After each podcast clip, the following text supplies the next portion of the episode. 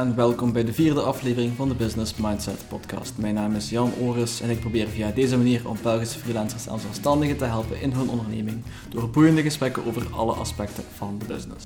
In deze aflevering bekijken we hoe het is om te ondernemen in een kleine niche. Specifiek daarvoor zoomen we in op het verhaal van Lugos Studios, een game development studio uit Genk in Limburg. Lugos ontstond een tiental jaar geleden en werd opgericht door drie verschillende co-founders. Tom Lissens, Robin Marks en Kevin Haalterman. Hun bedoeling was om games te ontwikkelen in de Belgische markt, maar dat is echter gemakkelijker gezegd dan gedaan, omdat de markt in België voor games echter vrij klein is. Daarom was het niet altijd even gemakkelijk voor Lugos, maar in de afgelopen 10 jaar hebben zij toch redelijk wat bereikt en momenteel hebben ze zelfs wereldwijde faam kunnen bemachtigen met verschillende titels zoals Battle for Donetsk en de drone simulator Liftoff, waarmee zij wereldleider zijn op die markt. Om het verhaal van Lugos verder toe te lichten, luisteren we vandaag naar twee van de originele co-founders, Kevin Helterman en Robin Marks. Kevin Helterman gaat slapen en staat op met Lugos. Hij was er vanaf het begin bij en is op dit moment zelfs CEO van het bedrijf. Ondertussen staat hij er meer dan 10 jaar in en kan hij als geen ander toelichten hoe het, hoe het gelopen is de afgelopen 10 jaar en welke moeilijkheden zij gehad hebben. Naast zijn leiding van Lugos is hij ook actief in de Belgische gamesindustrie en is hij lid van de Vlaamse Game Associatie sinds 2016. Robin Marks van zijn kant stapte mee met Tom en Kevin in het bedrijf, maar besloot na drie jaar het bedrijf te verlaten voor een andere uitdaging. Op dit moment is Robin bezig met zijn doctoraat in de informatica, waar hij onderzoek doet naar nieuwe internetprotocollen en de bijhorende tools die gebruikt worden om die protocollen te ondersteunen. Voor meer informatie over zowel mezelf als de gasten kun je altijd terecht in de description van deze episode. Daar vind je ook een bio als ook alle links naar social media van de gasten waar je hen kan bereiken. Dat was de laatste van mij. Hope you enjoy the episode.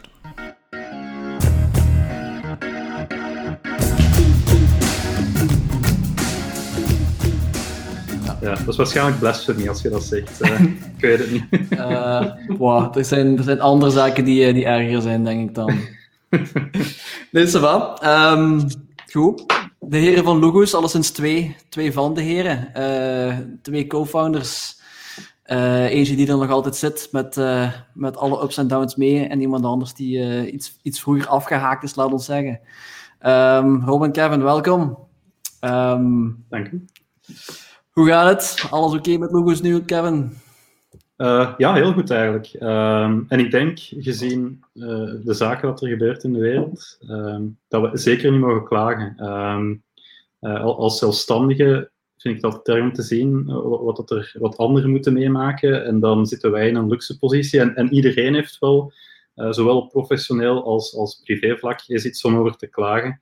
Maar ik ga dat zeker niet doen, want op beide vlakken gaat het goed bij ons. ja. Wat bedoel je dan beide vlakken? Zowel professioneel als persoonlijk dan? Of hoe moet je ja, op persoonlijk vlak, ik ben, ben net vader geworden. Dus dat is uh, ik zie dat zeker als iets positiefs. In de, eerste dagen is, is, dat soms, uh, is dat soms even zoeken waar dat, dat positief zit, al, al is een schatje. Uh, maar dat, is, dat toch iets waar, waar mijn vrouw en ik hebben naar uitgekeken. Dus op privévlak gaat dat goed. Wel jammer dat we dat allemaal hebben moeten aankondigen via Skype en zo. dat is heel raar. En bezoek mag niet, wat zowel zijn voor- als zijn nadelen heeft. en dan op professioneel vlak. Ehm, de omschakeling naar uh, remote work is heel vlot gegaan. Uh, heel productief team. Maar echt, het zijn allemaal um, dat zijn supertalenten bij Lugis en ik ben er heel fier op wat dat die allemaal doen en hoe vlot dat, dat gaat van thuis uitwerken. Het zijn ook allemaal heel... Uh, ze nemen allemaal hun verantwoordelijkheid, ook op, vlak van veiligheid en, en geen domme dingen doen, maar, maar vooral ook op vlak van hun werk. En dan ook qua business. Um, wat gebeurt er als mensen thuis opgesloten zitten? Ja, dan kopen ze games. En wij maken games. Dus uh, op dat vlak uh, mogen wij ook zeker niet klagen. Wij zien uh, aan de hand van onze liftofverkoop hoe, dat, hoe slecht het gaat met de, met de besmettingen. Ehm, dus ja, ja we mogen, ik zeg het, we mogen zeker niet klagen. En, en er zijn natuurlijk zaken zoals, ja, we zouden super graag terug samen op de studio zitten en ons amuseren. Uh, samen op, op, die studio. En, en voor sommige uh, B2B-projecten, dus projecten dat we doen voor klanten, is, is de situatie niet altijd ideaal. maar dat zijn geen zaken waar we niet omheen kunnen. dus ja. ja. Nou. Um Ja, Robin, je bent al, je bent al een tijdje uit het bedrijf. Hè? Ehm, jullie hebben, zijn samen gestart, uiteraard, bij Lucas. Ik weet het nog heel goed dat, dat je daar, uh, jullie zijn er lang mee bezig geweest met het uitwerken en noem maar op. En dan uh, zijn er al een aantal leuke projectjes gekomen, onder andere TEDx uh, U Hasselt. Um, herinner ik me nog dat jullie een aantal leuke dingen hebben gedaan. Allee, ik heb het uiteraard maar van een afstand meegemaakt. Maar misschien moeten we even beginnen bij het begin. Um, daar Robin ook een beetje kan, kan delen van, mm-hmm. van, van hoe dat het allemaal gekomen is en waarom, waarom eigenlijk de beslissing. Want dat, dat was voor mij ook een, een heel interessant vraagteken. Zeker zeker omdat ik het van, van op een afstand heb moeten meemaken. Jullie stappen in, uh, in de games-industrie. In België is dat niet zo gigantisch. Het is niet zo... Je, hebt niet echt zicht op een, op een duidelijke, duidelijke afzetmarkt. Ik weet, ik ben als freelance IT'er begonnen. Um, freelance IT'er, ik weet nog... Uh, gaat dat ook nog weten, denk ik. Um, de eerste infosessie die ik daarvoor ging volgen bij de U Hasselt daar kwam, ik denk toen de bestuurder van, van het EDM, Vleerakers, Eddie Vleerakers denk ik dat hij heet, kwam toen naar voren, kwam een speech geven. En ik weet nog heel goed dat die man zei dat we, dat we een heel goede keuze hadden gemaakt. Ah, het was een infodag, we hadden nog geen keuze gemaakt, maar hij zegt van, je hebt een heel goede keuze gemaakt voor als IT'er te beginnen, want er is geen enkele sector waar dat je sneller een job vindt dan IT, behalve priester. Uh, dus in die zin, als het hier een, een, een, als stelselmatige beginnen, vind ik niet dat je echt een risico neemt, terwijl dat bij jullie wel het geval was. Uh, en ik ken Robin goed genoeg om te weten dat dat een berekend risico is, maar toch wil ik eens even horen um, hoe, hoe dat, dat gekomen is en waarom, waarom, waarom dit. Het is heel simpel, Jan. We hebben vals gespeeld. en en ik, ik heb er zelfs niks voor moeten doen. dus uh, ik, ik wil heel graag games doen. Uh, gewoon met dat van, van programmeren uit is dat een van de interessantste, meest uitdagende dingen die je kunt doen. Uh, er zit alles in. Er, je, moet, je, met de users bezig zijn, je moet met performance bezig zijn, er zit netwerken in, er zit graphics in, alles, alles wat je kunt doen binnen IT zit in een game. Um, dus dat was vooral de drijfveer. En dan misschien straks verder op maar long story short zijn we dan beginnen kijken, van kunnen we daar iets binnen doen? Zijn we via de de C-Mine, de C-Mine Crip. Ik weet, ik weet zelfs niet of dat toen al Crip heette, maar dat was via Peter van Beurzen. Mm Die was toen de business developer voor de C-Mine Crip, of, of voordat ze in gang bezig waren rond die, rond die start-ups toen. Um, en die had al contact met Kevin en, en Tom. En Kevin en Tom, als ik me goed herinner, hadden die toen effectief al het, het contract vast. Uh, dus zij hebben hun, hun eindproject, dat ze gedaan, dus zij zijn twee grafici. Um, game, game artists, game designers. Ze hadden een heel mooi, heel indrukwekkend uh, eindproject gemaakt voor hun, hun, hun masters, denk ik, uh, af te ronden. Hadden ze dat op een tentoonstelling getoond. Daar is uh, Janssens Pharmaceutica naar komen kijken. Die waren op die moment juist aan het zoeken naar mensen om, om wat, wat serious games voor de medische sector te doen met hun. En ik denk, ja, ik denk toen ik Kevin en Tom leren kennen, dat zij toen al het contract van Jans Pharmaceutica praktisch op zak hadden. Uh, en ik zal, ik zal aan Kevin laten om te beslissen of het is echt hoeveel dat het uh, project juist waard was. Maar het was ja, een hele mooie startwaarde om, om eigenlijk uh, zonder enig risico, vond ik toen, uh, uit het bedrijf kunnen te starten. Ja. we toen gemakkelijk zes maanden verder konden gewoon bij één project. Voilà, ik, ik, denk die zes maanden, ik denk dat dat een mooie manier is om het bedrag uit te drukken. Dat was een eerste project waar we met drie het bedrijf een half jaar konden runnen. Ehm, en uh, ik moet daarbij ook eerlijk zeggen, inderdaad, uh, ik denk dat uh, Peter van Deurzen de connectie heeft gemaakt. Want Tom en ik als artiest, wij zochten een programmeur en we hadden begrepen dat er iemand was die artiesten zocht. maar wij kenden Peter van Deurzen ook nog niet zo lang, dus dat is allemaal heel snel gegaan.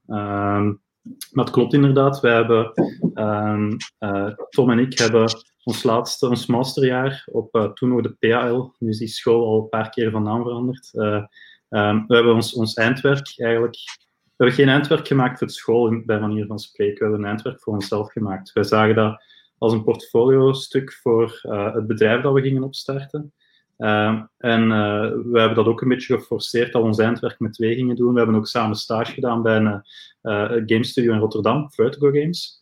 waar dat we ook weer die goesting van de ondernemen hebben meegekregen. Um, en al dat koppig gedoe van we gaan samenwerken en we gaan dingen, we gaan dingen voor onszelf doen, uh, dat heeft inderdaad als resultaat gehad dat wij op onze eindwerkpresentatie uh, zo goed als een contract binnen hadden. En met als enig nadeel, of, of met het grote nadeel, ja, wij, wij waren nog geen bedrijf, we waren nog geen rechtspersoon, er was nog geen entiteit die dat contract kon tekenen. En dus dat moest heel snel gaan. En uh, ik denk na het ontmoeten van Robin zijn we binnen de twee maanden op, opgestart. Dus dat is, uh, dat is heel snel gegaan na het afstuderen voor beide. Uh, en dat was, ik, zeg, ik, ik, zei de eerste jaren dat dat heel veel geluk was. Uh, en ik geloof nog altijd dat dat veel geluk is, maar geluk creëert je soms ook door bepaalde opportuniteiten te creëren. en als er zich dingen voordoen, daar ook te springen. Niet te, niet te lang twijfelen, goed nadenken, maar soms ook niet te lang en soms gewoon ook doen. Um, en ja, dat is heel vlot gegaan, die opstart. Ja. En nu staan we, wat zeg je, tien jaar verder, als ik me niet vergis? Op papier officieel negen jaar, dus uh, de 1 oktober is, is de verjaardag. Uh, mijn dochter is geboren op de tweede, dus die heeft uh, de verjaardag van Lucas met, met twee uur en een half gemist of zo. dat was geen doelstelling of zo, maar ik vond dat wel. Dat, ja, dat was, dat was wel even spannend. Ja. Ja. Los ervan, dat is een tangent. Maar, maar ja, we waren eigenlijk, Tom en ik dan, vooral al een jaar op voorhand bezig met. De, naam Lugus bestond al. Ik denk dat we al ergens een hele basic webpage hadden. En ik denk zelfs dat je op mijn LinkedIn-profiel gaat kijken, daar, daar werk ik precies al tien jaar bij Lugus, terwijl uh, officieel, als, je, als je het opzoekt, dan, en in, in het Belgisch staatsblad staat, was het oktober 2011, dus negen jaar. Ja. Op zich ja. maakt niet uit of dat het nu negen of tien is. Het is, begint redelijk een, een, serieus stuk van ons leven te worden. ja. Um, maar als ik het goed begrijp, Robin, had jij, wist jij al dat je, dat je in games wilde werken? toen, toen de connectie met, uh, met, uh, met Kevin en Tom er was? Of was dat toen ook eerder zo'n een openbaring van oei, dat is ook een optie? Nee, nee, nee. Ik ben effectief uh, heel, heel bewust aan het zoeken. Hè. Ja. Dus ik wou heel graag games doen. Ik zeg het, dat is voor mij technisch is het meest interessante. Um, maar, maar toen, like als je zegt, ik ben relatief voorzichtig. ik wou eerst eens even alle opties overwegen. Hè, want zeker, nu, nu valt dat een pak beter mee in België en Vlaanderen. Maar toen, ja, wat had je toen? Grin, uh, Larian, uh, Neopica. Ja. Ik denk dat we dan bijna aan het einde van het lijstje in, in Wallonië, Fishing Cactus, denk ik. Ja, ja exact. Zoiets, ja. Maar, en, en nu, nu is het ongelooflijk aan het doen. Nee jaar geleden was wel binnen niks. En dus het was heel, heel moeilijk om te zeggen van ik ga naar daar, want dan moest ik al verhuizen en zo. Met die mensen te gaan werken, want die zitten allemaal in, uh, in Oost-Vlaanderen of Antwerpen toen.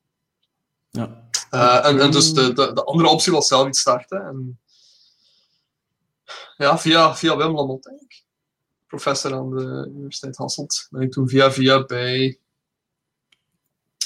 hoe heet ze, Nele van der Sluis.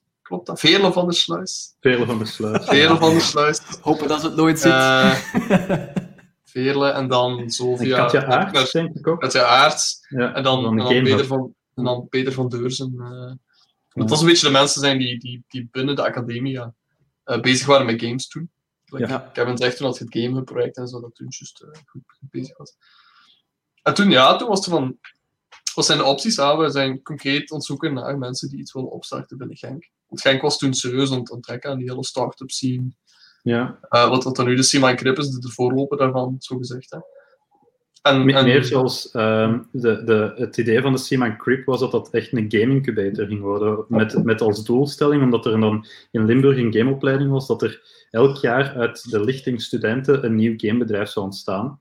Maar we zijn nu tien jaar verder en van die studenten is Lugus nog altijd de enige. En de andere bedrijven, gamebedrijven in Limburg zijn ja, door de leerkrachten gestart. uh, ik, ik ben nu wel een paar studenten aan het begeleiden. Uh, uh, en dat is via een programma, via het FAF, die er in Limburg ook willen starten. Dat zijn studenten van Luca. En hopelijk lukt dat. Ehm, dus ja, dat mag hier wat meer in Limburg, want het is nu vooral te doen in Antwerpen, Gent enzovoort. Mm. En ik denk dat Limburg wel heel veel troeven heeft, qua opleiding, maar ook qua ligging. ja. ja.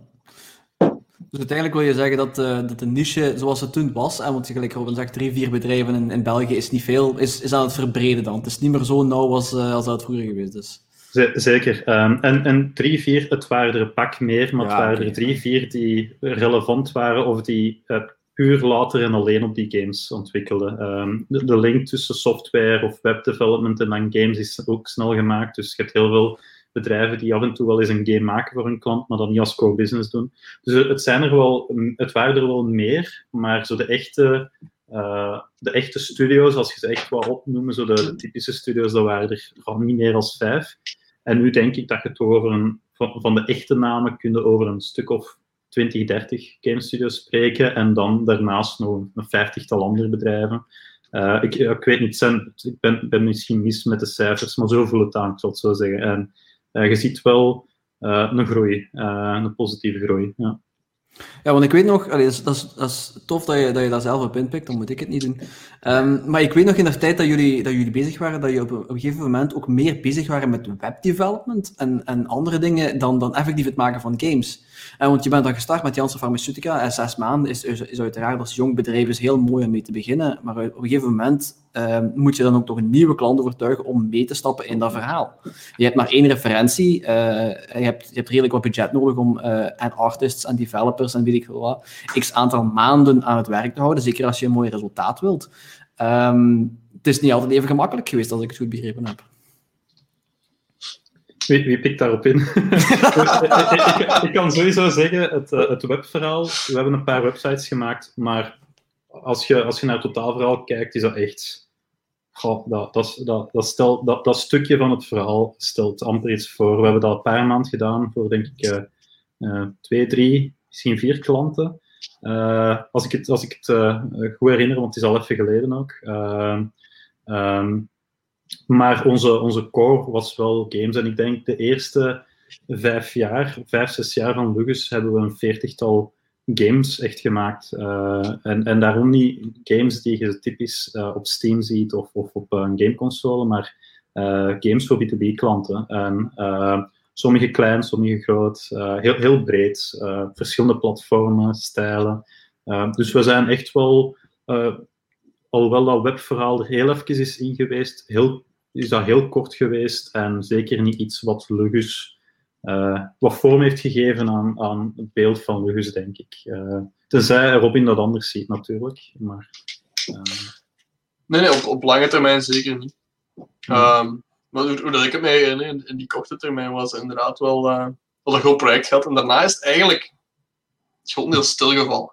Ja. Een tijdje. We hebben daarna eigenlijk niet direct een heel groot project meer binnengehaald. Het heeft toen, ja, ik denk toch zes maanden geduurd.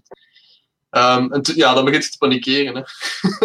of zo ben ik dat toch misschien, of verwijder ik mij misschien van, ja, oei, nee, nee, wat gaan we doen? Moeten we niet gaan, moeten we niet gaan diversifiëren? Wat kunnen we doen? Um, zeker omdat ik die, die skillset wel had van het maken van websites. Um, ja. Toen ook al was het eigenlijk een beetje een no-brainer om te zeggen, maar goed, om een klein beetje die, die periode te overbruggen, gaan we dat erbij doen. Maar nooit is echt met het idee van, ja. we gaan ons omvormen naar een webdesignbedrijf dat ook games doet. Hè. Uh, want ik, ik, weet, ik weet dat we toen ook nog andere dingen gedaan hebben. Ik heb toen ook nog een tijdje bij, uh, bij de universiteit terug gaan werken als onderzoeker. Om, om, mm. zodat je zegt, zo, zo mijn loon eigenlijk naar beneden komt doen bij Luus. Om op die manier uh, een beetje geld uit te sparen, zo gezegd. Hè. Ja. Dus de eerste, eerste paar jaar zijn wel zwaar. Ja, ja, maar ik denk dat dat normaal is bij een start-up. En ik denk dat de, we hebben nooit echt grote fouten gemaakt. Ik denk de enige echte fout, en zelfs na negen jaar vind ik dat nog altijd de grootste fout die we hebben gemaakt, was inderdaad hè, eh, als studenten uh, dat eerste project van zes maanden binnenhalen en dan denken van, goh, als we zo twee per jaar hebben, dan zit het goed. Dus na zes maanden, we hebben dat project afgerond, de klant content en alles, oké, nu gaan we het volgende zoeken. Ja, dat, dat, zo werkt dat niet. Wat we hebben geleerd is, als je een project binnen hebt, dan moet je naar, naar je drie volgende projecten al aan het zoeken zijn, of moet je die al binnenrijven. En zoals ze dat in de, in de business development vaak gewoon zeggen, in je funnel steken. uh, ik, uh, ja, ik hou van, van, van typische business termen. Uh, nu maar, wel? Nee, nee, dat was helemaal niet. maar um, ja, dat was, ik denk dat dat onze grootste fout is geweest, maar we hebben daaruit geleerd. Hè. Dat, is, dat, is, dat, is, dat, zijn, dat is groeipijn. En, hm. uh, en op zich was onze redenering niet verkeerd. Van kijk, als het zo makkelijk gaat, als we zo eentje nog extra binnenhalen, we doen twee projecten per jaar, dan zitten we goed met onze drie. Uh, dat was geen strategie die, die groei uh, toeliet. maar in het begin is, is het, ja, de eerste jaren gaat over overleven. En ik denk zo vanaf jaar vier, vijf, konden we stilaan overschakelen van overleven naar stilaan kunnen ondernemen. Ehm, een beetje spelen met, met wat je hebt, met het team, met de connecties, met uh, een beetje de, uh, het kapitaal dat je hebt opgebouwd in de ervaring. Uh, maar dat heeft tijd nodig. En, en zeker in een sector als de game-industrie, en zeker als je, als je B2B doet, um, jij moet als start-up van gastjes die uh, nog maar pas zijn afgestudeerd, moet je aan bedrijven gaan zeggen, zeg, wij kunnen voor u projecten doen en dat is een minimumkost van 30, 40, 50.000 euro en dan, dat is goedkoop. Uh, ja, dan gaan die natuurlijk zeggen van, waarom zouden we, of, of waarom gellen, of, of uh, met welk doel. dus je, als start-up mist je ook wat die geloofwaardigheid, die connecties weer. en het is echt pas beginnen goed gaan op het moment dat, in plaats dat wij letterlijk cold calling moeten gaan doen. En ik heb vaak ook met een telefoon, een hele hoop telefoonnummers opgeschreven die gaan bellen van zeg, wij, wij, maken, wij maken games en wij kunnen iets voor hullen doen. Dat werkt trouwens totaal niet, uiteraard, maar je kon maar proberen. Uh, maar het is pas na een tijd dat, uh, waar, dat we, waar dat we zagen dat wij niet meer naar de klant moesten zoeken, omdat de klant naar ons kwam, net door die geschiedenis, door die, die achtergrond, dat de B2B-tak goed begon te gaan. Maar goed is een relatieve term. Uh, B2B alleen is, is, uh, brengt heel veel risico's met zich mee.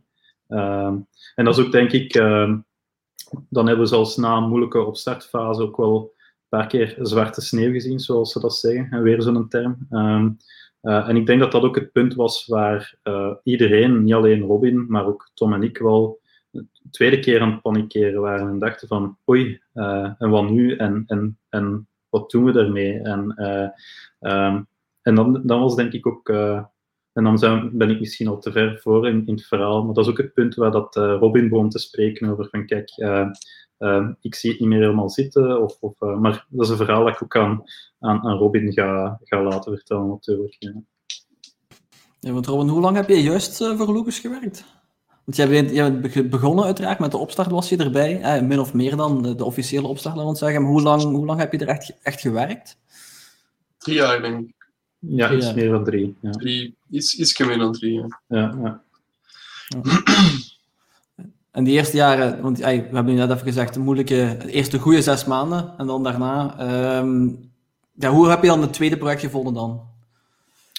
Um, portfolio-stuk, denk ik. Hè. Uh, laten zien wat we kunnen en uh, actief op beurzen uh, of, of naar, naar events gaan. Zo, zoals ik het me herinner, was ons eerste iets of wat grotere project dan als Pelkmans? Ja, ja, dus, dus en, dat was ja, het U Hasselt, dat we die hebben leren voilà, En dat was, ja. dat was TEDx U Hasselt. Toen, toen, toen hadden we daar die presentatie... Nee, dat was jaar daarna. De eerste jaar stonden we ook op TEDx U Hasselt, maar dat was gewoon met een standje. Ja, dat was op, gewoon, op het tafeltje. Voilà, hadden we onze iMac mee naar daar gesleurd, en een, iPad en een demo. Uh, Super low-key. En uh, iemand van, van uitgeverij Pelkmans. Um, ja. Die was daar. En die, die hebben toen... Uh, en dan daarnaast ook wel een hele hoop kleine dingen. Een keer iets voor Stad Genk en zo. Uh, al, elke keer genoeg om wel door te kunnen gaan. Dus alhoewel die eerste jaren moeilijk was, was het niet altijd, was het niet altijd doen. het, het, allee, we konden onze plan wel trekken en het ging wel. Uh, we hebben zelfs, hebben wij niet Casper en Niels, wanneer hebben we die op aangenomen? Uh, wel, dat is, dat is iets waar ik naar uitkeek om u vandaag nog eens te vragen. Want... was dat niet na twee jaar of zoiets? Uh, dat was vroeger. Ja, ik weet toen nog, we hebben toen, dus wij zaten met drie. En dat is, dat is iets waar we zelfs ook nog wel eens op moeten inpikken. Het belang van stagiairs, denk ik, uh, in, ja. in de setup. Maar dat is wat de, wat de twee stagiairs, Casper en Niels. Um, en die, uh, ik weet nog dat we heel hard gediscussieerd hebben van wie van de twee gaan we aannemen. ja? Uh, en uiteindelijk hebben we beslist, we gaan ze alle twee aannemen. Ja. Uh, but for the life of me heb ik geen idee hoe dat we dat konden. hebben wij Casper als stagiair gehad? Ik denk, ja, dat Casper, ik denk dat Casper een van de enige personen was, en zelfs tot op de dag van vandaag, typisch hebben gedaan van hier is een open application en, en we gaan interviews doen en daar gaan we iemand uitpikken. En dat is de enige persoon uh, die Casper werkt nog altijd voor ons. Uh, dat, is die, dat, dat is gewoon een Casper is gewoon een, een, een, even groot onderdeel van Lugus als, als uh, Robin en ik. en, maar ja, dus, dus het feit dat wij twee mensen konden aannemen, dat wil ook wel zeggen dat het niet alleen doen was. Hè. Uh, dat je niet weet, weet, je nog welk project dat was? Hadden wij het project... Uh, wacht eens even kijken. Ik weet dat Casper heeft gewerkt aan Supergerrit. ja. en dan Zeppen en Ziki en zo? Dat is al veel later, hè, denk ik. Dat is later, uh, ja. Want dan zaten we al op C-Mine. Maar kijk, het is, het is, dat is het erge. Hè. En, en daaraan begin ik te merken van, Lucas bestaat bijna tien jaar. Dat is die eerste jaren beginnen al heel blurry te worden. Inderdaad, hè. Er is zoveel gebeurd, zoveel projecten, zoveel mensen leren kennen, zoveel dingen meegemaakt, in, vooral ook in de positieve zin. en ik begin ook zo dat, dat, zal ook misschien de leeftijd zijn die stilaan zo wel begint. maar zo ook namen te vergeten van, van de eerste stagiaires en zo, dat, uh, dat is heel erg. Maar dat zijn mensen waar je dan maanden mee hebt samengewerkt. En nu, de meeste herinner ik me wel. Maar zo, zo af en toe van, oh ja, die persoon ook. En, en ja, ja. Um, maar ja, ja. Dus die eerste jaren zeker niet gemakkelijk, maar ook zeker niet onmogelijk. Uh, ja, want ik herinner uh, me nog dat jullie een aantal, een aantal leuke dingen hebben gedaan. Ik herinner me zo van die dingen dat, dat, dat, dat jullie iets voor Catnet hebben mogen doen, dat, ja. dat de website al een paar keer plat gegaan is, omdat er gewoon zoveel volk op uh, Flipperkast, als ik me niet vergis, Rob. Ja. Verbeter als ik fout ben. Halloween Pinball. Halloween Pinball, voilà. Ja. Eerste, eerste 3D-game op Catnet. Werkte niet voor de helft van de spelers, maar de andere helft... fantastisch. Ja, maar dat was, uh... dat was eigenlijk een, een, een, klein succes, echt. Hè? Want dat was ook zo voor de tijd van... Er was nog niet zo... Dat was eigenlijk... De Catnet-website toen was een beetje de, de Facebook voor de kinderen. Ze hadden daar hun eigen profiel en ze konden daar spelletjes op spelen en hun score delen. En ik denk dat uh, die, die flipperkast, Halloween flipper, pinball, Halloween pinball was, ja, dat dat... Dat was echt een, een klein succes op die website. En, en dat was leuk. Uh, we hebben ons daar... Dat project waar dat wij ons mee hebben geamuseerd. Uh, ervoor en zowel daarna, denk ik. Uh, ja, ja. ja. En dan, ja, we, we hebben Spang the Pony hebben gemaakt. Uh, dat ga ik aan Robin laten uitleggen. Uh. willen we dat wel uitleggen? Willen we, willen we alles uh, een demo geven? Dan, dan is het helemaal om... er, sta, er, staan filmpjes van op YouTube. Ja. De, de, vraag is, wie is de pony in de demo? Ja, nee, goed, dat, dat, kunnen we misschien in, als een obscure referentie laten die mensen zelf moeten opzoeken als ze, als ze er, als ze er zullen Goed plan, goed plan. Um, nu goed. Nee, um, wat, wat, wat, ik daar nog van wil zeggen, als ik mag... is, dat, is dat uiteindelijk gelijk als die projecten die we nu aanhalen, dat zijn eigenlijk relatief kleine projecten. Hè? Die, ja. die twee projecten, dat was alle twee onder de 10.000 euro. Om, om een voorbeeld te geven. Dus dat is, niet, dat is niet het grote geld. Maar wat ik toen opvallend vond, is dat je eigenlijk met relatief weinig budget uh, veel kunt doen. Ik denk dat wij toen met, met, een, met een ongeveer een 10.000 een maand met vijf maanden draaien. Ja. Met een heel grote kanttekening dat wij ja bijna geen loon uitkeren. wij, wij verdienden als oprichters minder dan onze werknemers. En dat was 1100, 1200 net. De, de minimumloon, denk ik, uh, dat, je, dat je eigenlijk aan een werknemer, dat is 1200. Ik denk dat we onszelf dat iets. Ja, ja. Uh, en en uh, ik weet ook, en ik weet niet of dat, dat uh, voordat je weg werd of daarna, maar op het moment dat we zwarte sneeuw zagen bij het bedrijf, hebben, nee, dat was, dat was nou, denk ik, hebben Tom en, uh, Tom en ik onszelf is bijna ja, toch een dik half jaar geen loon uitbetaald om mm. personeel te kunnen betalen. En ben ja, heel dat was... dat we dat altijd hebben kunnen doen. Uh, uh, iedereen betalen. Dat vond ik het allerbelangrijkste. Want je hebt, als je voor een bedrijf werkt en je krijgt geen loon, dat, ik vind dat, vind dat heel moeilijk om te verantwoorden. Als het je eigen zaak is, ja, dat is je eigen, eigen risico, een berekend risico, eigen verantwoordelijkheid. En je hebt ook de verantwoordelijkheid tegenover het team. Uh, maar uh, was dat voor of na u, Robin? Dat was na mij, denk ik, vlak, okay, vlak ja. Nu, het mooiste compliment dat, wij, uh, dat ik in die negen jaar tijd heb gehad, is dat wij met het team samen zaten. Dat moet echt net na, na Robin geweest zijn dan. We zaten met het hele team samen en we zeiden van, kijk mannen, uh, dit staat er op de rekening. En trouwens, vandaag de dag weten ze nog altijd wat er op de rekening staat. Of als ze er naar vragen, zeggen we dat. We zijn heel open met het team. Uh, eh, dus uh, dit staat op de rekening en uh, als er nu niets binnenkomt binnen twee maanden, dan uh, is het gedaan. Het mooiste compliment dat ik ooit heb gekregen van de mannen is dat die zeiden van kijk, als wij een paar maanden zonder loon moeten doorgaan, dan doen we dat. we gaan er volledig voor, wij geloven erin. Ehm, en ja, dat vind ik, dat vind ik heel knap. Ehm, dat was een enorme motivatie. Ehm, ehm, ik, apprecieer dat nog altijd. Allee, dus, en, en we hebben het dan uiteindelijk opgelost door uh, uh, we hebben hun loon is met een, denk ik, een maand vertraging of zo is één keer moeten betalen. Of ik weet niet wat exact de details waren, maar ik ben blij dat we dat altijd hebben kunnen doen. Uh, het loon van Tom en mezelf, dat was iets dat, dat heeft moeten sneuvelen voor een tijd. Maar ik kan ook zeggen dat we dat al lang hebben ingehaald. Dus dat, is, dat is het positieve van het verhaal. Hè. Het, is, het, is, het was een pittig moment, maar dat heeft allemaal een goed einde gekregen. of toch een goed vervolg. Ja, wat was zo de, de, de voornaamste reden daarvoor? Want uh, uiteraard, uh, start-up en, en, weinig referenties is, is ook, uh, is ook relevant waarschijnlijk ja. in het verhaal. Maar wat was zo de, de, de grootste factor ja. die jullie tegenhield om klanten te overtuigen? Was het het feit dat het om games ging? of was het het feit dat je, dat je mensen moest overtuigen van het feit van een game kan helpen? Of was het, was het een nieuw bedrijf? Of, of wat, het, het, het, was niet... Het, het, overtuigen van klanten van een game is niet moeilijk. het zijn vaak de budgetten waar ze over struikelen, uiteraard. Uh, maar ik denk eigenlijk wat het, grootste gevaar was voor ons, en de het moment dat het echt zo moeilijk ging, dat we op het punt stonden van kijk, we hebben nog budget voor één of twee maanden, was niet het feit dat we geen klanten hadden, maar dat we moeilijke klanten hadden. Uh, en ik ga geen namen noemen, maar uh, we hebben een klant gehad die een jaar met ons voeten heeft gespeeld eigenlijk. Die heeft gezegd van kijk, wij zijn een gigantisch bedrijf, wij gaan met jullie werken, dat is risico, wij willen dat jullie investeren.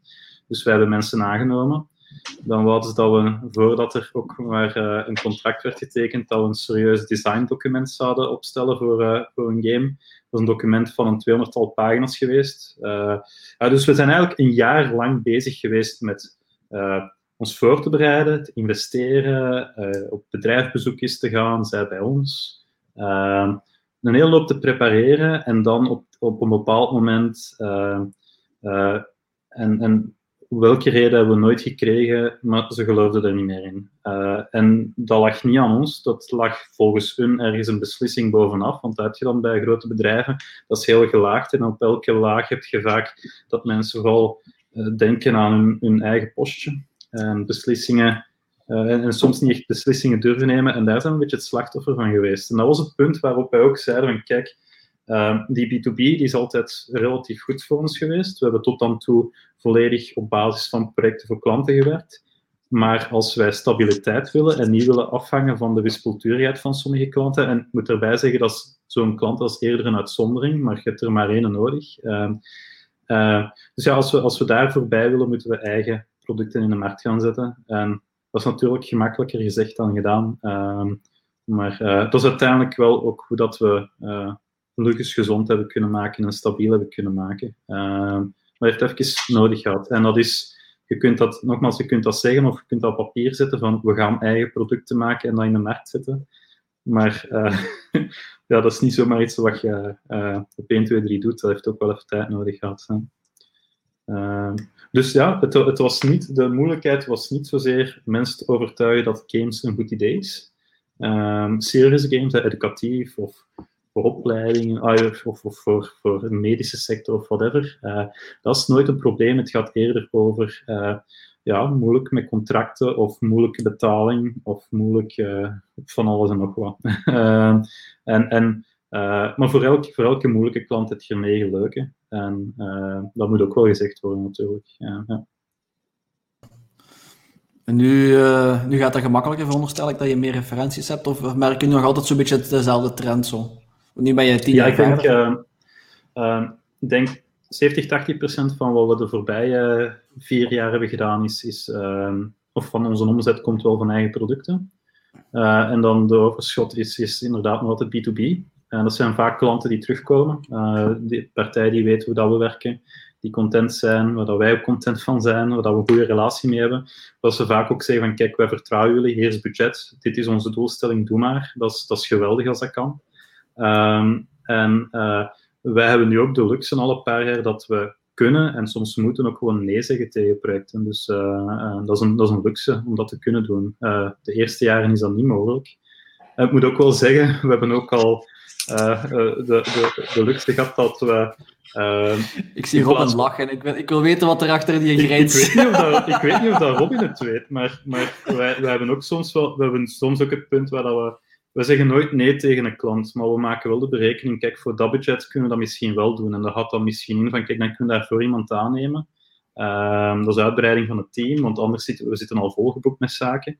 En dan zeggen we, moeten wij soms een prijs noemen die hoger ligt dan uh, wat we zouden kunnen doen als we wel uh, teamleden beschikbaar hebben. En we denken dan dat de klant nee zegt. maar soms zeggen die ja, en dat is ook, dat is ook fijn natuurlijk. Ehm, dus ja, ja, dus op het vlak van.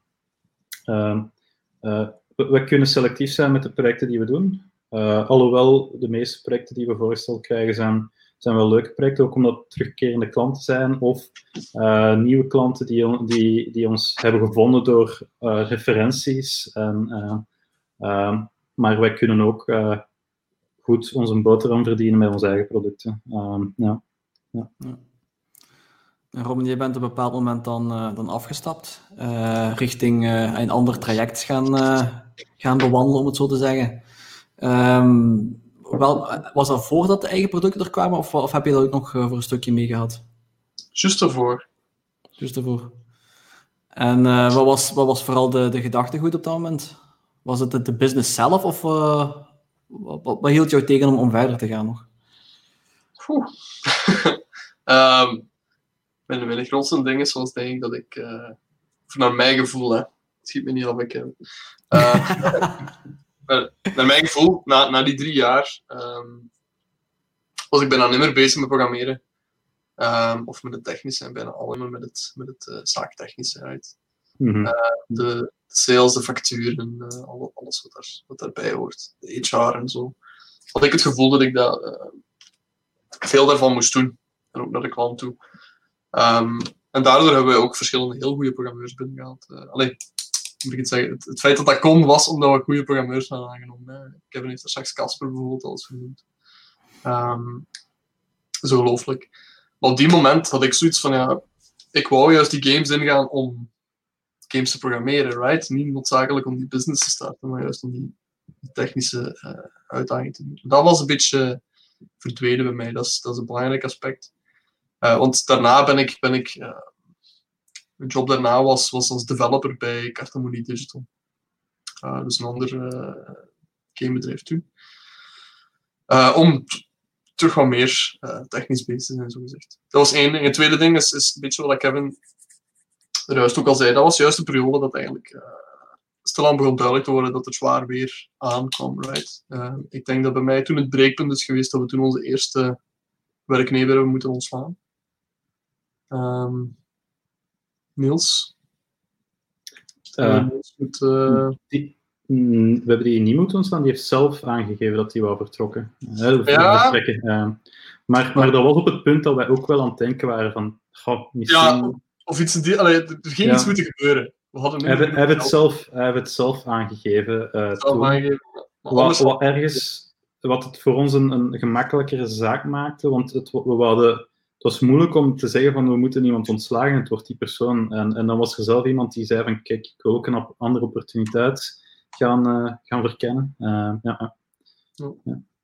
Wat is dat? Allee, zeker als dat nu zo zegt, vind ik ook maar stom klinken. Dat klinkt alsof ik zo'n uh, zinkend schip heb verlaten. Hè.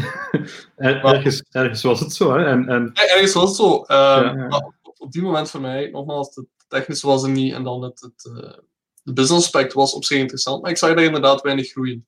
Ja. Um, ik denk, ze hebben dat nu ook aangetoond inderdaad, ze kunnen verder. En ik denk dat we nu op wat, 7, 8 man?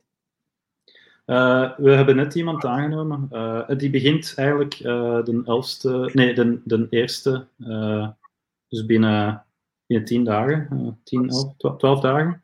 Ehm, dat is trouwens iemand die je kent, Vincent van Geel. Nee, niet Vincent, nee, niet Vincent van Geel. nee, uh, oh. ik het er uit, ja.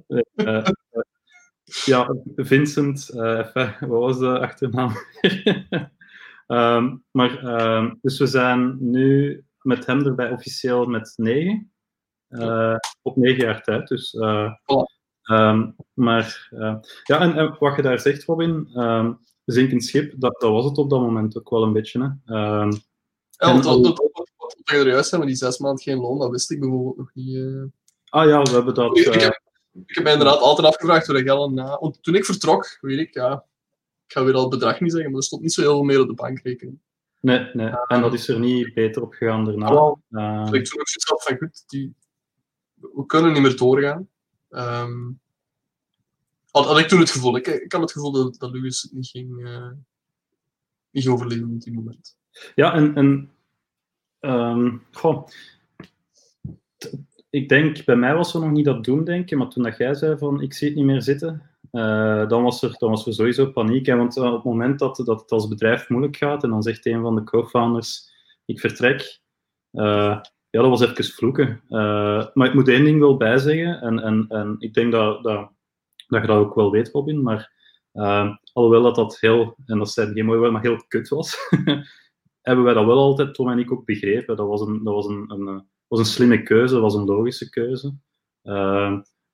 En, en ja, als, als, dat, als de goesting en een drive er niet meer is door moeilijke zaak, maar ook omdat je met andere zaken bezig bent, want het klopt helemaal. Hè. Je waart ineens, je waart niet meer met productie bezig, maar puur met eh, management enzovoort. Ja, dan heeft dat ook geen zin om dat eh, te blijven doen. En ik moet zeggen, eh, ik ben de voorbije vijf jaar, denk ik, ook niet meer bezig met productie. Ik, en Tom ook minder en minder. Maar hoe meer dat je zei, dat- hoe meer dat er met management moet gedaan worden. Ehm, en ik ben blij dat we dat van u hebben kunnen overnemen. Want had ik was schrik van. Jij had heel veel, eh je nam heel veel op u die eerste jaren, heel veel verantwoordelijkheid. En ineens kwam die bij ons terecht, bovenop eh, de andere zaken.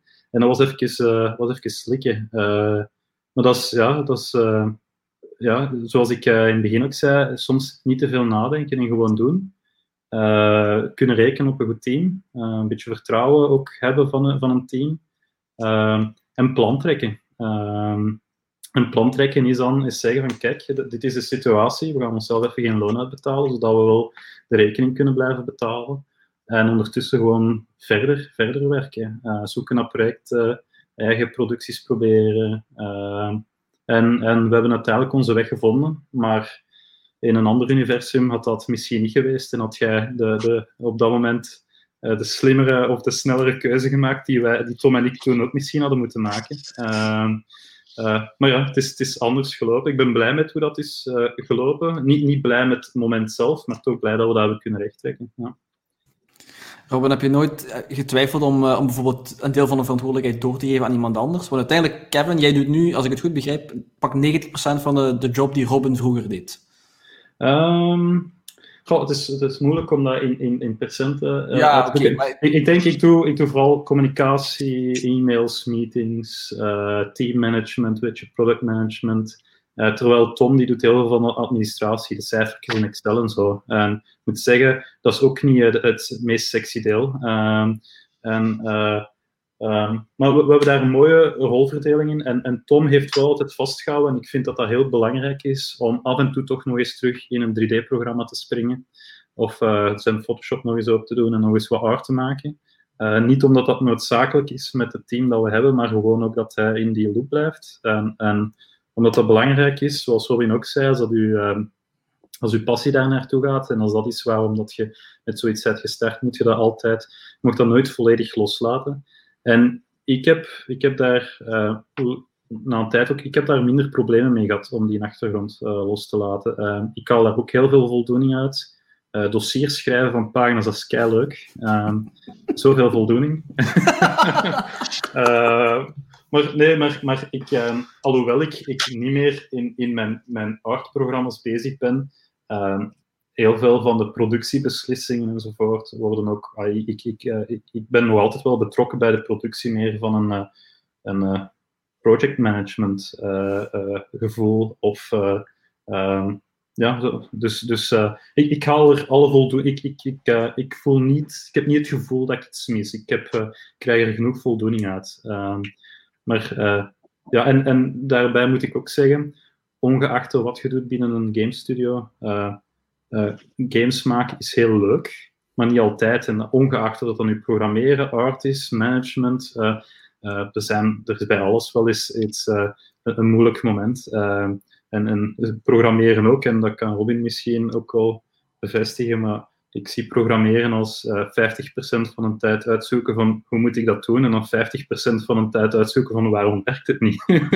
uh, dat is misschien overdreven, maar, maar uh, en dat is soms ook frustrerend, kan ik mij inbeelden. En er wordt ook wel eens, en dat mag, er wordt wel eens gevloekt op de studio, maar dat hoort erbij. En, ehm, en het is die, die voldoening die komt vooral achteraf als je dan iets kunt afleveren aan een klant of aan je, spelers en je krijgt daar feedback op en reactie en je kunt een community opbouwen. Ja, daar, daar haalt je voldoening uit en die haal ik daar evenveel uit als de rest van het team. Ongeacht of ik nu letterlijk die een 3D-stoel heb gemaakt of die een 3D-boom of whatever. Uh, ja. Robin, heb je ooit overwogen om uh, verder te doen, maar dan met minder van die verantwoordelijkheden? Dat je en bijvoorbeeld de verdeling die, die Tom en, en Kevin nu gemaakt hebben, om die uh, toen te doen? Goh. Nu, nu kunnen we dat gemakkelijk zeggen. Hè.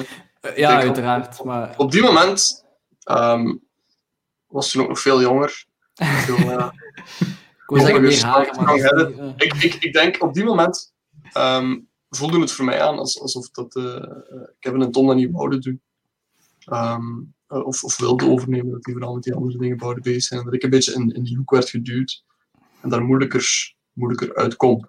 Um, nu met de zeven extra jaar op de teller, um, moet je dat ook wel een beetje kunnen te, toegeven dat, dat ik dat uh, zelf een beetje ook naar me toe heb getrokken, denk ik. Hè. Um, op, op die moment denk je van, goed, wat je zelf doet, doe je het best. En ik ben er geweest. En dus, uh, dat klopt ook wat je zegt. Hè. Het, is vaak, het, het, het, gaat niet zo altijd heel goed. Dus om nu die tijd erin te investeren, want je moet er, ze hebben er nu even cold turkey moeten doen. En heel veel respect dat dat inderdaad gelukt is. Mm -hmm. um, um, maar om dat dan die tijd te investeren, om, om die transfer te gaan maken, dat was toen eigenlijk niet echt, niet echt mogelijk. En dat heeft gewoon de, denk ik, snowball tot die moment dat ik het eigenlijk... Uh, ja. En, als ik daar nog twee dingen aan mag toevoegen. Um, enerzijds, als je met een bedrijf van drie, of ja, op dat moment van vijf bent, is het ook, je kunt niet met, in een bedrijf van vijf met drie gaan management doen. Um, um, dat, dat, dan op, dat dat dan op dat moment vooral bij Robin viel. Ik weet niet wat dat de meest logische zaak was. Maar daar, daarnaast ook, uh, ik denk dat Robin en ik zo'n beetje ook wel een, een gelijkaardig karakter hebben. zoals wat Robin zegt, wat je hebt soms het gevoel, ik, ik, als ik het zelf doe, doe ik het beter. En als je er twee zo hebt in een bedrijf, dan botst dat ook wel eens. Uh, dus ik denk, uh, uh, alhoewel dat we dat die eerste jaren goed hebben samen gedaan en goed hebben samengewerkt, er waren ook wel eens discussies en dat was, dat is niet verkeerd en dat gebeurt nog wel eens. maar we zijn nogal sterke karakters en dan is het ook moeilijk om te zeggen met twee sterke karakters die anders denken van we gaan het alle twee gaan uitvoeren. Dus daar is het, daar is het eh, zoals Robin zegt, misschien naar hem toe trekken, maar ook langs een andere kant van, van Tom en mij, van de Robin ook in vertrouwen. Van oké, okay, we gaan zijn verhalen vervolgen en, en, en dat, gaat, dat gaat en dat gaat goed. Alhoewel, ja, moeilijke zaak, maar dat lag niet zozeer aan beslissingen die Robin nam. Dat is gewoon de realiteit van, uh, van een start-up. Um, um, en dat is ook een rol waar, dat, waar dat we allemaal in, natuurlijk in zijn geëvalueerd. Uh, dat is niet dat we van de ene dag op de andere zeiden van nu gaat die persoon dat doen. Um, nu, en dan daarnaast, waar Robin wel het meeste deed, ja, ik ging ook wel mee naar meetings of zo. En Tom deed dat ook wel. En, en we werden ook wel betrokken, maar in mindere mate. Uh, zeker en vast. Ja. Ja. ja. En hoe is die transitie dan geweest? Want uiteindelijk, je krijgt dan plots, zowel jij als Tom, een hele hoop verantwoordelijkheid bij. Uh, dat heeft ook leergeld gekost, veronderstel ik. Hoe heb je dan uiteindelijk Lugus na die, want je hebt gezegd zes maanden heel zwarte sneeuw gezien, zes maanden jullie loon niet uitbetaald, uiteindelijk ben je er dan wel geraakt. Mm -hmm. Dus was, wat is zo de transitie geweest om, om uit het dal te komen dan?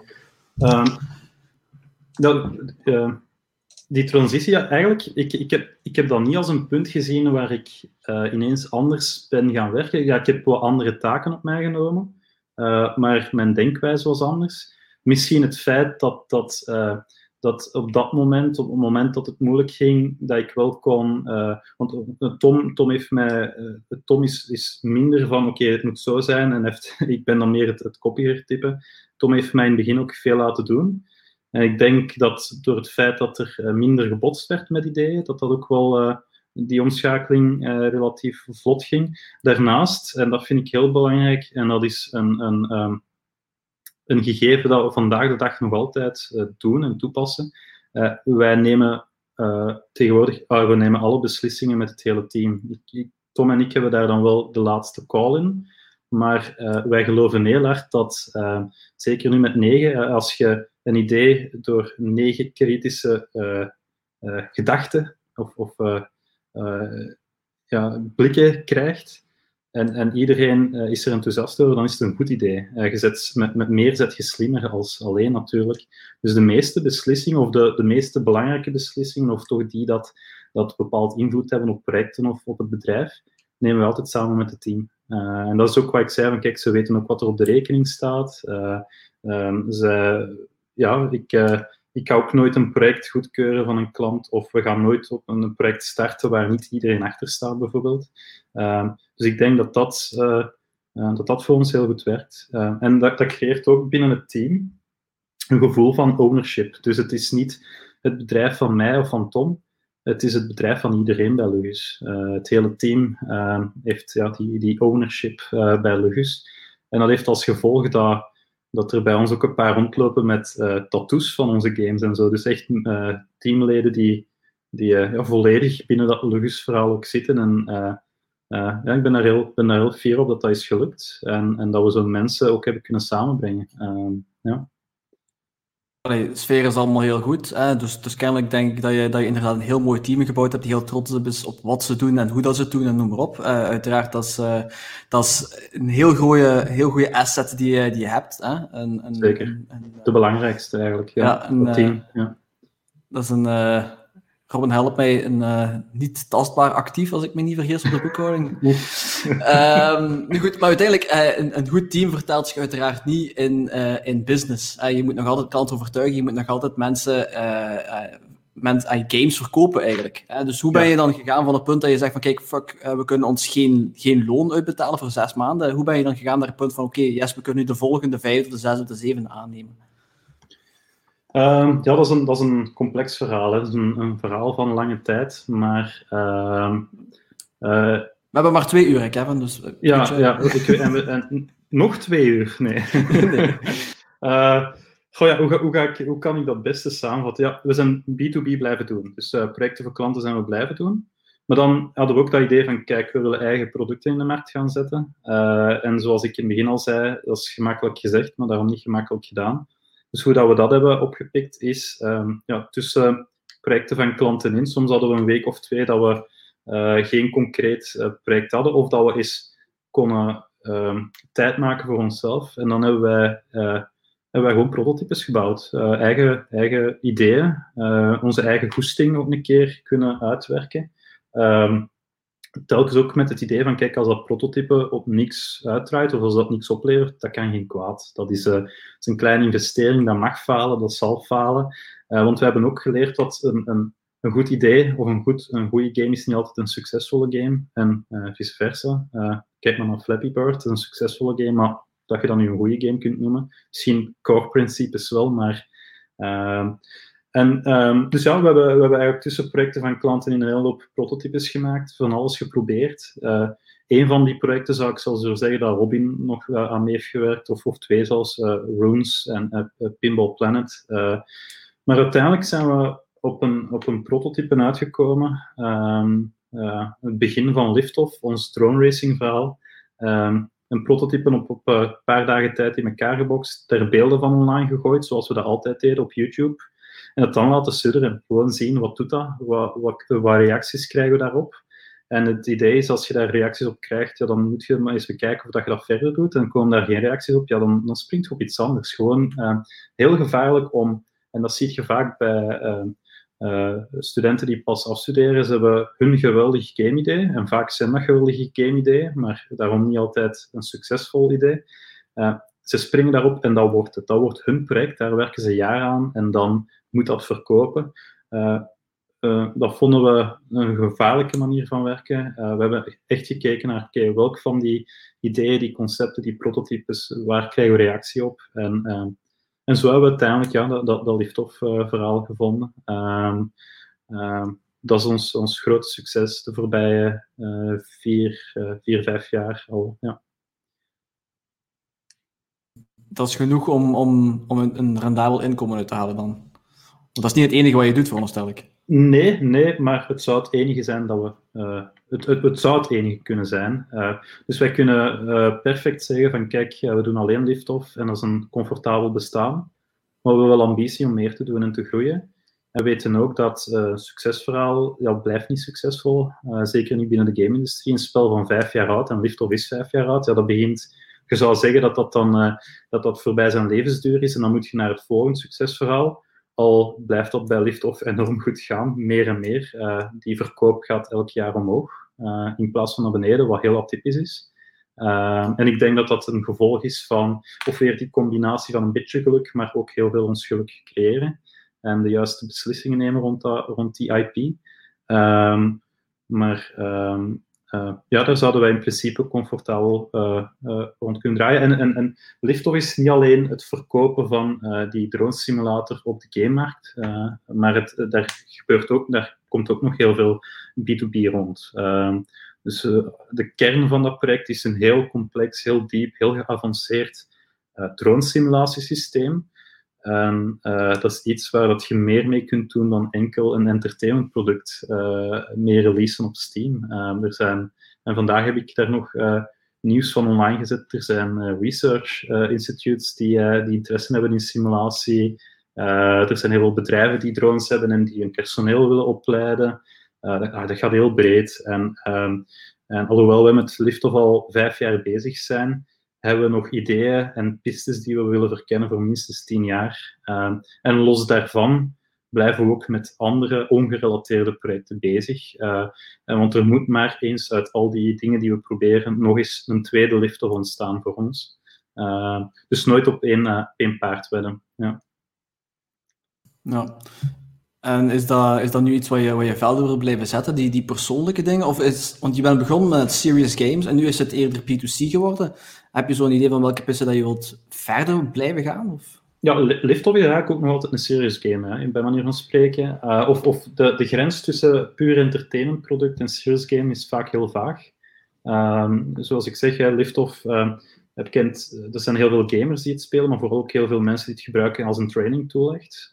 Wat ik toch als een, wat ik toch wel een, een, een, een, een binnen serious game vind passen. Um, maar wij, wij zijn comfortabel met alles. Ik bedoel, Liftoff is heel leuk. En andere projecten zoals Midnight Protocol, een, ander, een totaal ander project, is ook heel leuk. Dat zijn eigen producties. Maar die projecten voor klanten die zijn ook heel plezant soms. Um, vooral als een klant is die zegt van kijk, dit is onze probleemstelling of dit is onze doelstelling, dit is budget, doe maar, we vertrouwen jullie. En daar kunnen wij ons ook groot mee amuseren. Um, en dat zijn vaak ook projecten waar, als wij willen, um, samen met de klant ook verder in kunnen. Dat we zeggen, kijk, we gaan mee investeren hierin. En dat is leuk, die, die, die optie hebben om te kunnen spelen met, met, uh, met projecten, met, met uw assets um, uh, en, en opties te hebben. en dat is ook weer waar dat we dan samen met het team elke keer of regelmatig over praten. Oké, wat is het volgende? Of dat idee, is dat echt het goede idee? Of moeten we anders gaan schakelen? maar ik kan sowieso zeggen, het Liftoff-verhaal en vijf jaar geleden op Steam gereleased. Op 11 november komt onze consoleversie daarvan uit, wat eigenlijk geen uh, rechtstreeks support is. Dat is een, een, uh, een beetje een spin-off met wat veranderingen. Dus dat is eigenlijk een tweede Liftoff-game.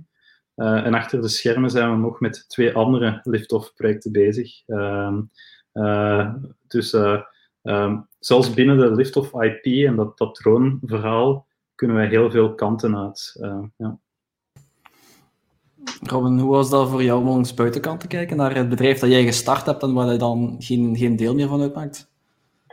De eerste zes maanden denk ik dat je nog wel ongeveer een idee hebt van hoe het er kan aan toe gaan, omdat je er nog ingezeten hebt. Maar na een jaar, allee, ja, je, ziet, je ziet het alleen maar van buitenaf nog. Dus hoe, hoe ervaar je dat dan? Verschillende manieren. van, van, van, week tot week of dag tot dag. Um, het, het grootste wat ik mij altijd uh, voorhoud, is, is dat ik zeker ben, als ik, als ik gebleven was, uh, was lift of niet gebeurd. Want dan had ik zoiets gezegd van, maar, allee, dat is veel te complex. ik kan dat nooit kunnen doen. Dat is geen markt waar een feeling meer, want op die moment drone racing uh, we waren geen, obviously geen drone racings, wisten wij veel. Dat was een project dat ik waarschijnlijk uh, vrij afgeblokt, mocht ik er nog zijn geweest. En dat vind ik, ja, dat vind ik een mooi, mooi voorbeeld dan van uh, bewijs dat, dat, dat, ik eigenlijk heb gezorgd dat Lucas een succes is. Hè, uh, dat, dat, weet ik niet hoe dat zo is, maar, maar ja. Uh, nee, om, om dat zo te zeggen, want uh, als Kevin er straks ook zei, um, wij, wij botsten soms nogal eens, uh, uh, omdat we inderdaad gelijkaardige persoonlijkheden zijn. Ik, ik, kan me een goede discussie herinneren over altijd niet crowdfunding te oh. doen in de tijd dat hoe heet het Kickstarter begon en zo. Maar daar was het feit dat jij er dan waard, heeft ervoor gezorgd dat we toen geen domme dingen hebben gedaan. Dus, Oké, okay, ja, sure, sure, sure. Maar om, om het te zeggen, ik denk, ik denk het hele het, het hele ding daar. Um, ik ben, ik ben heel, heel blij om te zien. Dat, uh, dat, is, dat, is, dat is voornamelijk wat, wat ik meestal denk. Is, is heel blij om te zien dat ze ja. kunnen doorgaan met, uh, met zo'n daverend succes. Um, want het is vrij van triviaal. We, we, hebben dat effectief geprobeerd, wat Kevin zei. Toen ik er ook was, hebben we ook eigen games en eigen producties geprobeerd. En dat is, dat is, uh, dat is niet altijd even goed gegaan, licht uitgedrukt. Heel plezant, maar het verkoopt niet. Uh, om dan te zien dat ze met zoiets kunnen doen, zich daar volledig op kunnen gooien en, en ja, marktleider, wereldleider zijn. Mm -hmm. uh, binnen die scène, binnen die brand. En dan ook, nogmaals, en daar, daarvoor schiet ik me in de voet, want uh, dat lijkt me een ongelooflijk tof technisch project om te doen. Ik denk dat Tom en Casper er zwaar aan hebben uitgeliefd. iedereen, iedereen. Ja, ja, Jan, Jan ook. het is, technisch, ja, Jan. Op, iedereen heeft daar echt zijn het, zijn ziel kunnen insteken, soms ook in verloren. dus heel, heel trots. En ik ben daarna, toen ik vertrokken was, ik heb, ik heb een heel klein stukje aan, aan kunnen bijdragen. Ja. Ik, ik, heb toen de eerste iteratie van de multiplayer code geschreven. Ja. Ik heb geen idee of er nog iets van in zit ondertussen. Maar, jawel, uh, jawel. dat is eigenlijk een heel, heel robuust stuk code. dat is... dat, en dat, dat is... Dat is ehm, uh, opmerkelijk, want uh, multiplayer was iets wat we echt, uh, ja, dat is, geen gemakkelijk gegeven. En we zeggen al lachend als een klant met een, een gameconcept of met een game idee komt en we berekenen een prijs en dan zeggen ze op het ah ja, en multiplayer, ja, dat is prijs mal drie. van complexiteit en alles wat dat met zich meebrengt. maar die multiplayer code, die heeft uh, die heeft al goed dienst gedaan. Ik, ik, ik, moet zeggen, ik zit zelf niet in de code, dus het kan zijn dat er doorheen de jaren wel af en toe een paar regels zijn uh, gesneuveld, maar uh, dat was direct een heel robuust systeem. Ehm, ja. ja. Dus, dus Robin is, ook, is toch een beetje betrokken, ook in dat verhaal, zeker. Ja. Maar je krijgt geen commissie, nee, niet. ik krijg geen commissie. Nee. Ik heb daar een, ik heb daar een hele mooie game PC aan overgehouden. Dat was... ben ik nog altijd heel content van. Uh, nog altijd? Al vijf jaar oud? Uh, oh man. Als je alleen maar uh, Age, Age of Empires 2 speelt. Uh, ja, ja, ja. ja. nee, het is... ik zeg het, heel, heel, heel blij, heel trots ook. Um, dat dat gebeurt. is soms een beetje heavy, hè, zo van... zou het zijn, mocht er toch nog zijn of kunnen, of kunnen delen. Um, maar gewoon heel, heel content voor het team. Het feit dat daar nog altijd diezelfde mensen van doen ja. zitten in Kevin en Tom ook nog al diezelfde werknemers. Um, geeft inderdaad ook, ook aan wat, wat Kevin zei. En, en, ik denk ook iets waar ik deels mee aan heb kunnen helpen bouwen toen aan dat goed team. En, en die, uh, die teamsfeer en, en, hoe dat het bedrijf werkt. Um, zat toen denk ik al goed, die openheid naar het team toe. En ja, dat de mensen daar nog zijn. Ik weet ook hoe goede mensen dat zijn, want dat zijn echt... Uh, er straks nog wel eens over Casper gaat die is bij ons komen solliciteren als, als een taal- en letterkunde uh, uh, afgestudeerde. En voor welke positie kwam je dat persoonlijk uh, solliciteren? Want dat is wel heel ongebruikelijk. Ja, ja dus we hadden gewoon opengezet. En taal- en letterkunde, die had op zichzelf volledig zelfstandig leren programmeren. volledig zelf games leren maken om een van zijn games. En dat was fantastisch. Die, die kon solliciteren. Die had een volledig prototype uitgewerkt. En dat was de, de, de game rond taal. Je had verschillende tribes in de wereld. En, en als die tribes dan begonnen te mixen, dan begonnen die hun talen te mixen. En dan kreeg je niet taal te. Dat was... Oh, de game die alleen iemand met een ongelofelijke passie kan maken, right? Ja, ja dat, is, uh, dat is heel ongebruikelijk. Dat is een niche binnen een niche binnen een niche. Ja, dat, dat is... en, die kon eigenlijk niet uh, basic goed programmeren op dat moment. Die, kon de basics, maar ja, die, die, die miste heel veel van wat wij meekrijgen van Unief bijvoorbeeld.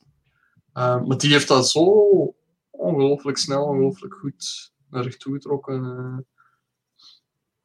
fantastisch. Dat hij daar nog altijd zit, ja. great. Dus nogmaals, de conclusie. Heel, heel blij om te zien dat het, zo, dat het zo goed gaat. Ik hoop dat ze nog heel veel jaren kunnen. Ja. Dat ziet er wel naar uit. We, we, hopen dat ook, maar de zaken gaan positief. En het is trouwens uh, uh, niet alleen Casper. Ik denk iedereen dat bij, bij Lugus werkt zijn uh, mensen die. We, we, kijken niet zozeer naar diploma. Um, en skillset is wel belangrijk, maar het allerbelangrijkste vinden wij dat, dat het mensen zijn met de juiste insteek, met een beetje een, een can-do-anything attitude. Uh, wat, waarmee ik wil zeggen is, als er iets is wat ze niet kennen, dat hun dat niet tegenhoudt, maar dat ze gewoon uh, dat ze het uitzoeken. En um, ik denk een van de laatste mensen die we hebben aangenomen, heeft totaal geen achtergrond in game, is uh, een ingenieur die uh, grote fan was van Liftoff, geïnteresseerd in physics simulatie, stage gedaan, nog nooit Unity aangeraakt, nog nooit een 3D-programma ofzovoort bekeken. En die heeft tijdens zijn stage, was die ineens aan het meeprogrammeren aan Liftoff. Uh, en dat is, daaraan zie je die achtergrond. Het was, het was iemand met de juiste motivatie. En dat hebben ze allemaal bij. Uh, en ik denk Casper, uh, maar Jan, Tom, iedereen. Um, en dat maakt het zo sterk. Ja, ja. Heb je nog ooit overwogen om terug te gaan, Robin, naar, naar het verhaal? Wat ik, ik, allez, als ik Kevin zo hoor, denk ik niet dat hij het erg zou vinden als, als je terug aan boord zou, zou gaan. Ik weet het niet. het zal heel moeilijk zijn binnen de, binnen de Ruby's context om daar uh, nog, een, uh, nog een plaatsje te vinden. Het is heel raar om als je eerst zelf de beslissingen moet nemen om dan uh, deel van het team te zijn. Ook al is het, zoals gezegd, een team dat samen beslissingen neemt. Ik, ja. ik, denk ook niet dat ik er nu nog zoals ik zeg, dat is eigenlijk uh, een, een, goed punt, want zelfs, zelfs nu denk ik niet dat ik mij heel hard zal amuseren met het maken van een game als Liftoff. Mm -hmm. um, dat, is, dat is ook een van de redenen dat ik er juist zei, ik zou dat afgeblokt hebben, want voor mij is dat, is dat niet iets wat, dat, uh, wat ik zelf zou spelen of wat ik zelf interesse. Ik, ik, zou, ik zou niet zelf met mijn eigen drone racing doen. Maar dat is, ik heb geen feeling met, met die dingen.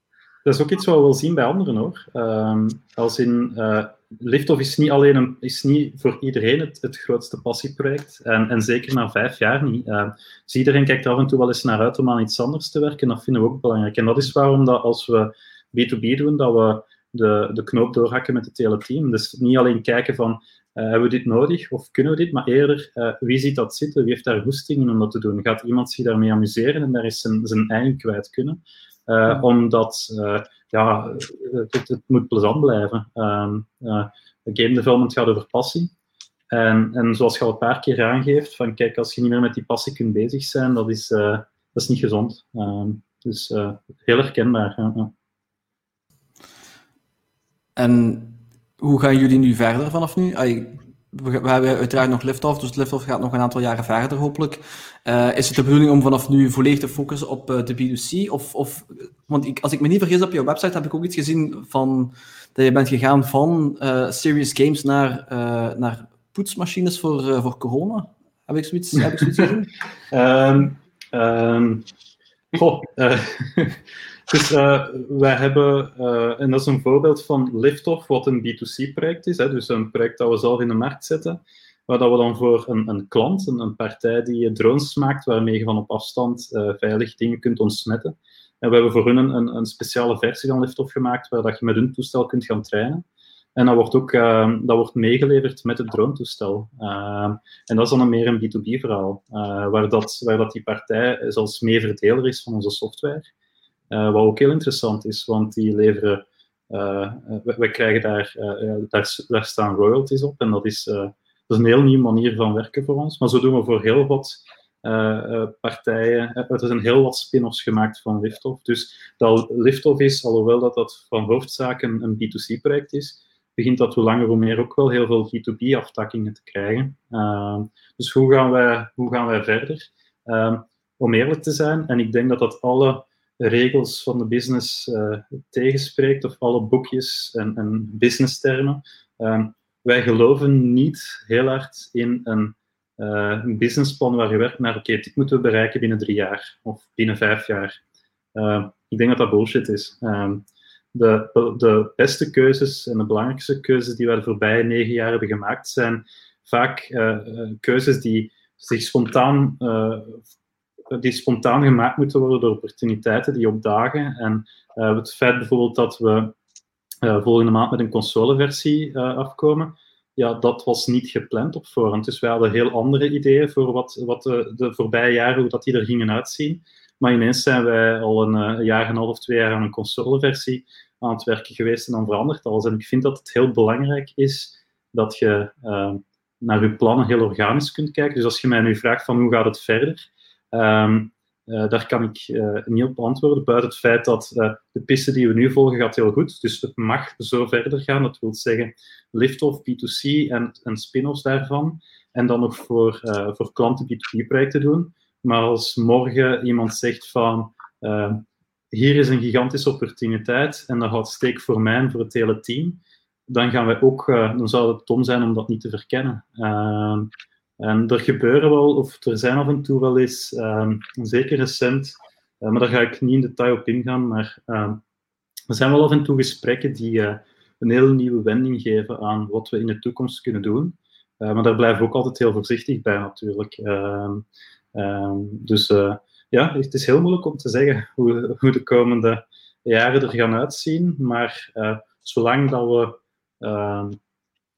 denk op dezelfde manier de zaken doen zoals we nu doen, op dezelfde manier beslissingen nemen, ben ik heel optimistisch over de toekomst. Um, ja. En was ik weet dat het een beetje een sneu antwoord is. Hè?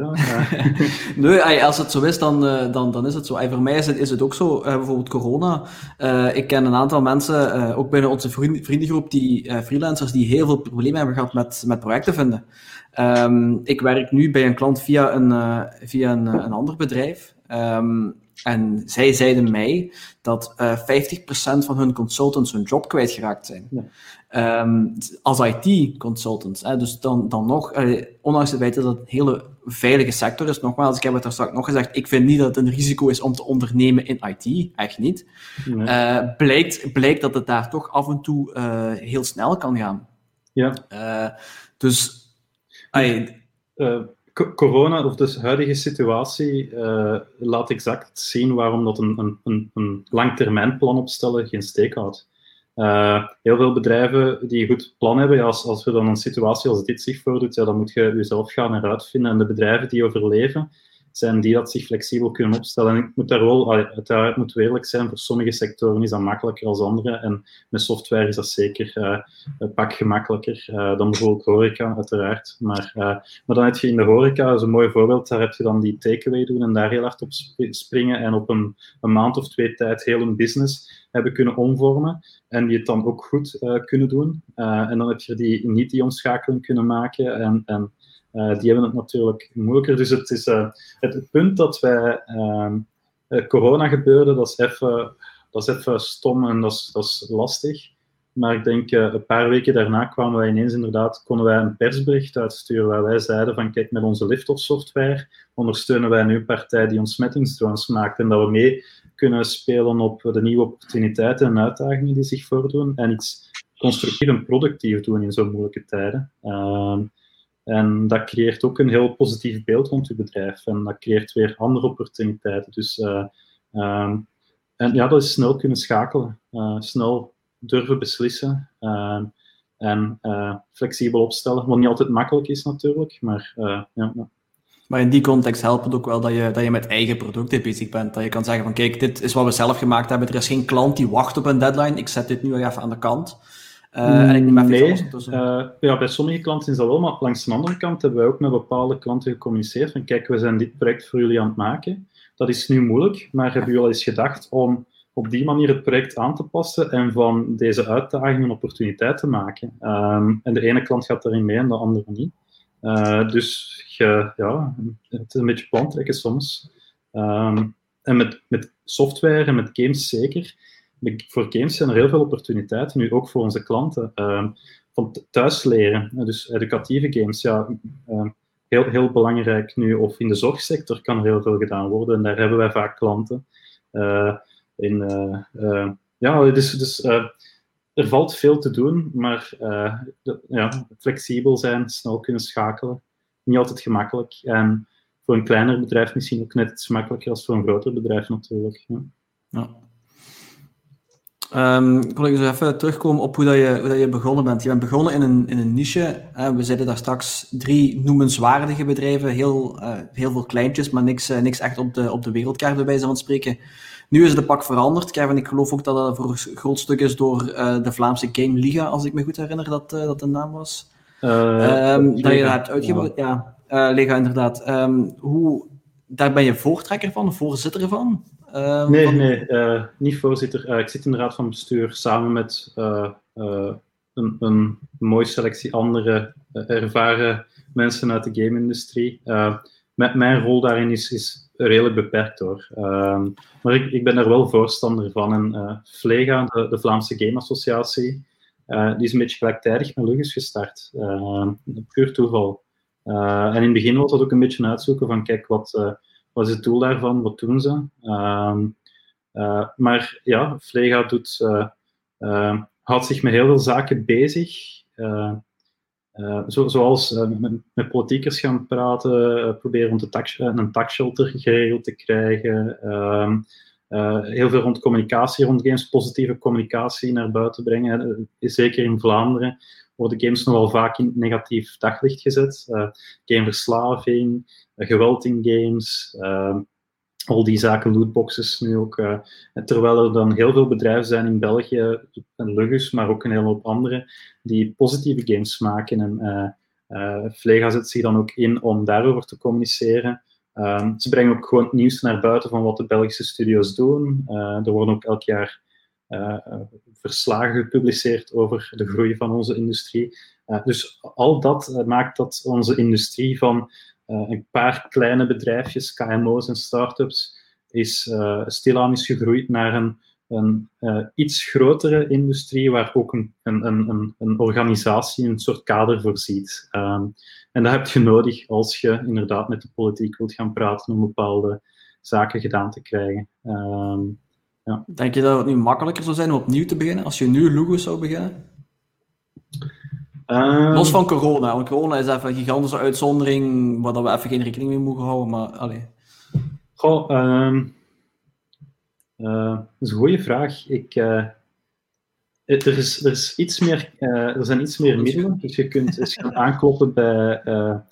er zijn subsidies die beschikbaar zijn, er is veel meer informatie beschikbaar, veel meer partijen waar je bij kunt aankloppen voor goed te laten ondersteunen. Uh, Flanders Fit bijvoorbeeld, uh, Vlega zelf, uh, een hele hoop. Dus op dat vlak makkelijker. is het makkelijker om als start-up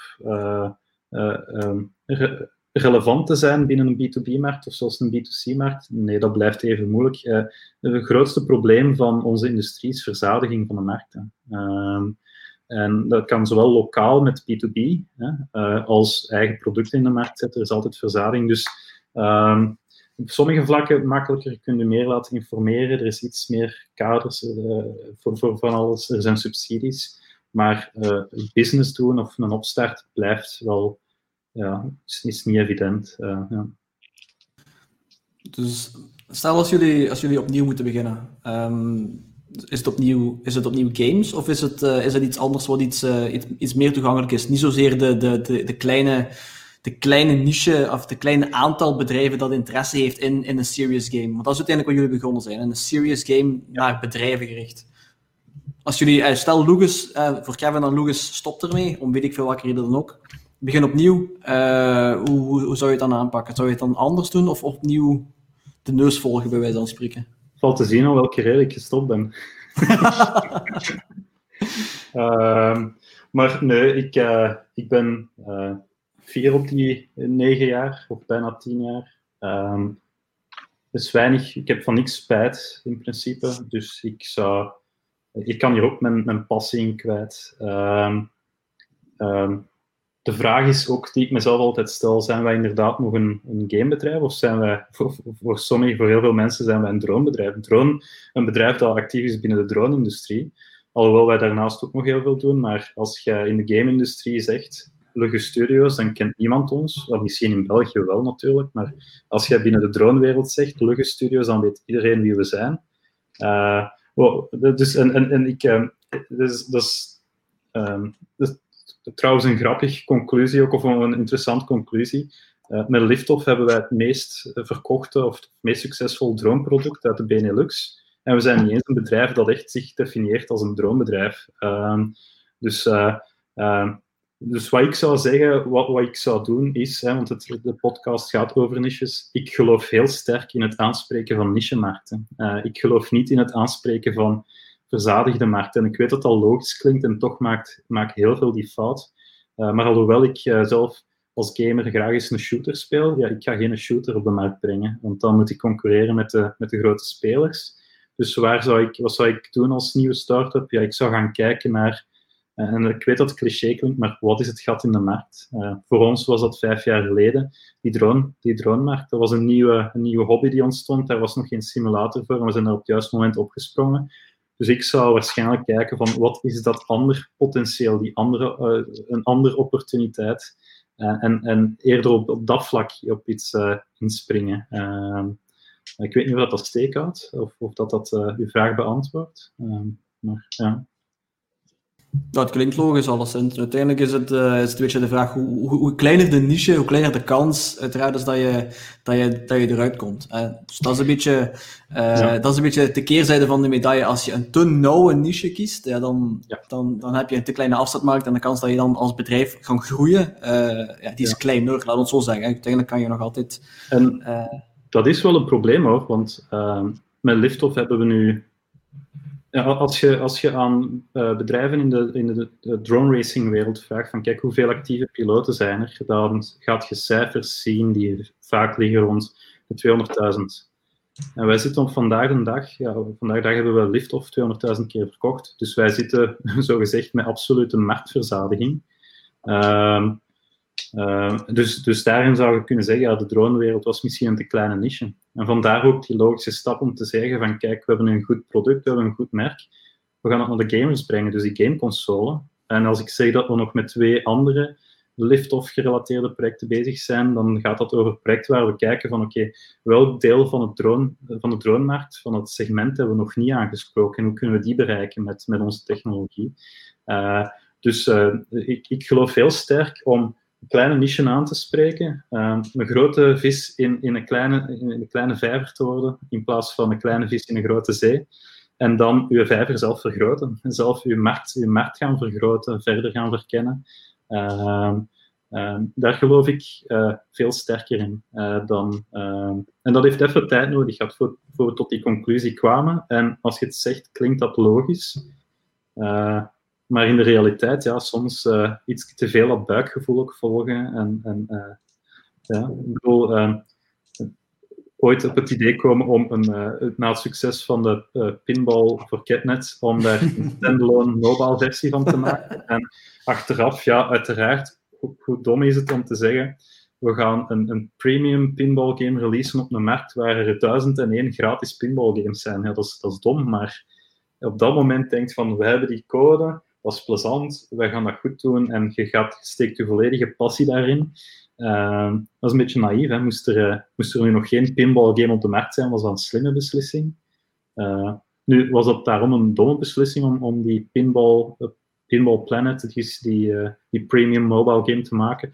Denk ik niet. We hebben daar heel veel uit geleerd. We hebben daar ervaring uitgehaald en, en uh, hebben ons geamuseerd, wat ook belangrijk was. Maar van een, vanuit businesskant was dat niet de slimste. Uh, ik, ja. ik herinner me nog zo'n goed project, uh, Runes. Ja. Dat was toen met Leap Motion. Ik weet niet waar je naar kijkt, Jan. Dat is zo die, um, die finger tracker. Ja, ja, ja. Zo, een klein bakje en dan just, Eerst die dat deden, en dan was ik zo van, dat gaat het zijn, hè. Dat, dat gaat iedereen en dat gaat alles nieuw doen. Um, het hele idee van Runes is eigenlijk een game die dat, uh, de launch game voor mm -hmm. uh, Emotion, zo gezegd. Waar we dachten van ja, we gaan hier de launch game voor dat platform hebben. En die gingen ook hun eigen uh, app store hebben en zo, hadden ze ook. Uh, om te doen. Dus wij waren direct een van de eerste games, hoogste kwaliteitsgames die je kon hebben. Dus vonden wij goede mechanics. heeft nooit niks verkocht op dat platform. Uh. Weinig, ja. Ja. Maar dat was, een, dat was geen domme keuze, vond ik. Uh, achteraf. Nee, nee, maar ja. gewoon om te zeggen van, zelfs als je merkt op die niche-markt, dan, ja, ja. dan allee, soms lukt dat soms niet. Uh, dus om je daar inderdaad blind op te gooien, of, of te denken dat het direct gaat lukken als je die eerste niche-markt aanspreekt. Uh. Nee. Wat, wat zo zeker zie, is die, die serious games-markt was al een niche-markt, right? En Liftoff is dan een, een niche binnen die niche, of ja. ja, hoe je bekijkt. Allee, is nog geconsolideerder uh, kunnen, kunnen verder gaan. De, de moment dat bij ons onze frank is gevallen was met Battle for Donetsk, wat nog een heel ander verhaal is. Uh, maar, maar eigenlijk Liftoff was het punt van oké, okay, uh, uh, we, hebben we hebben met Battle for Donetsk een spel gemaakt dat inspeelt op de actualiteit. En wat was de volgende actualiteit? Letterlijk ineens op YouTube stonden een hele hoop drone racing filmpjes. En dat was dan de realiteit uh, de actualiteit waar we toen op wouden springen. Maar uh, Battle for Donetsk is een spel dat we... Dat is een van die zogezegde uh, projecten dat we tussen projecten van klanten indeden. Een spel dat we op twee weken tijd hebben gemaakt. En wat ehm, viraal is gegaan over heel de wereld. En op een maand tijd 200.000 downloads heeft gehad. We hebben daar niks uit verdiend, omdat dat een niet-commercieel project was. Maar we werden wel toen overal ineens aangekondigd als Lugge Studios, de mensen achter Battle for Donetsk. En ik ben uh, live op Russia Today geweest en gedubt in tien talen en op de, uh, de, de, uh, door Poetin gesponsorde tv-zender de vraag gekregen van wat denken mensen in Europa over Poetin, van die toestanden. Dat zijn enorme ervaringen. En maar toen is onze frank gevallen, kijk, als we op twee weken tijd iets in elkaar kunnen steken dat 200.000 downloads heeft, waarom, dan, wat, wat is het volgende dan? Hoe doen we dat? En eigenlijk ons eerstvolgende verhaal dat we volgden, alhoewel dat, dat helemaal ongerelateerd was aan ons Battle for Donetsk verhaal, uh, uh, was Liftoff. Dus uh, dat, dat, is eigenlijk het moment dat onze frank een beetje is gevallen. Ehm, ja, als eh, moest je je afvragen waarom ik een verwijzing doe naar Russia Today en Putin, ik denk dat de, de, de context, die mist je wel, maar uh, zoek het gerust eens op Battle for Donetsk en dan uh, kent je de context misschien. ja. Nog wel, uh, nog wel herinneren. Ik was inderdaad vergeten dat dat niet van jullie was, maar nu dat je het zegt, dan, dan, dan komt het weer allemaal terug. Um, ja. ja.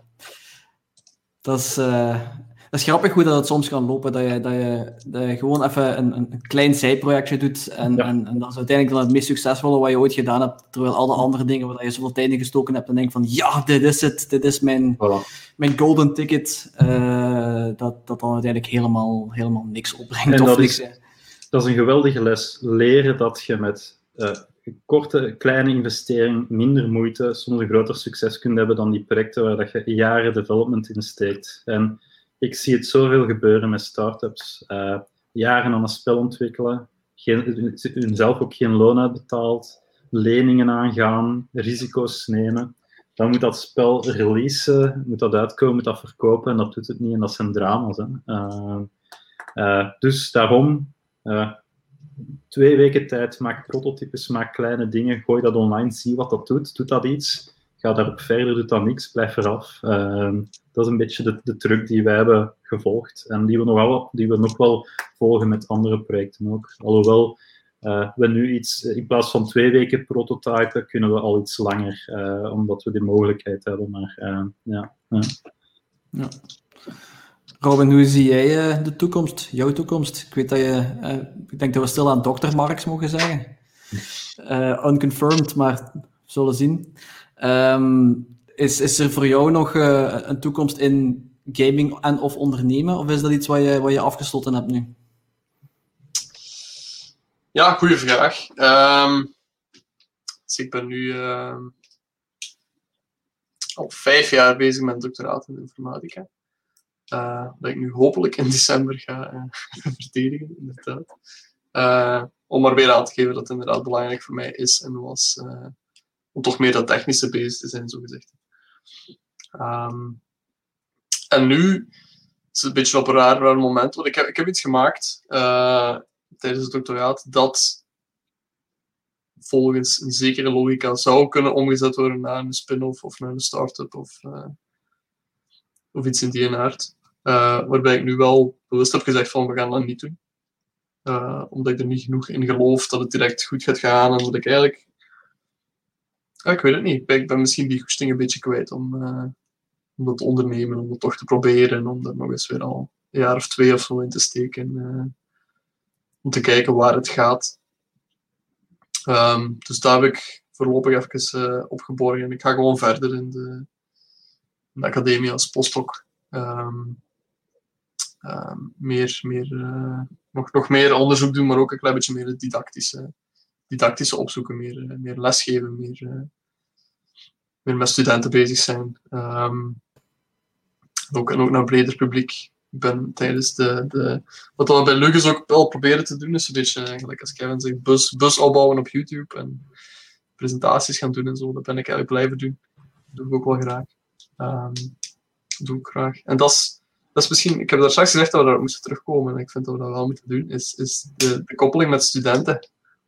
Um, en stagiairs, want daar, daar ben ik van overtuigd dat dat een van de redenen is dat, dat Lucas door die eerste paar jaar is geraakt. En ik neem aan, ook de jaren daarna, um, is, is dat we zoveel uh, vaak heel getalenteerde studenten hebben kunnen aantrekken die, laten we zeggen, gratis komen werken eigenlijk. Hè.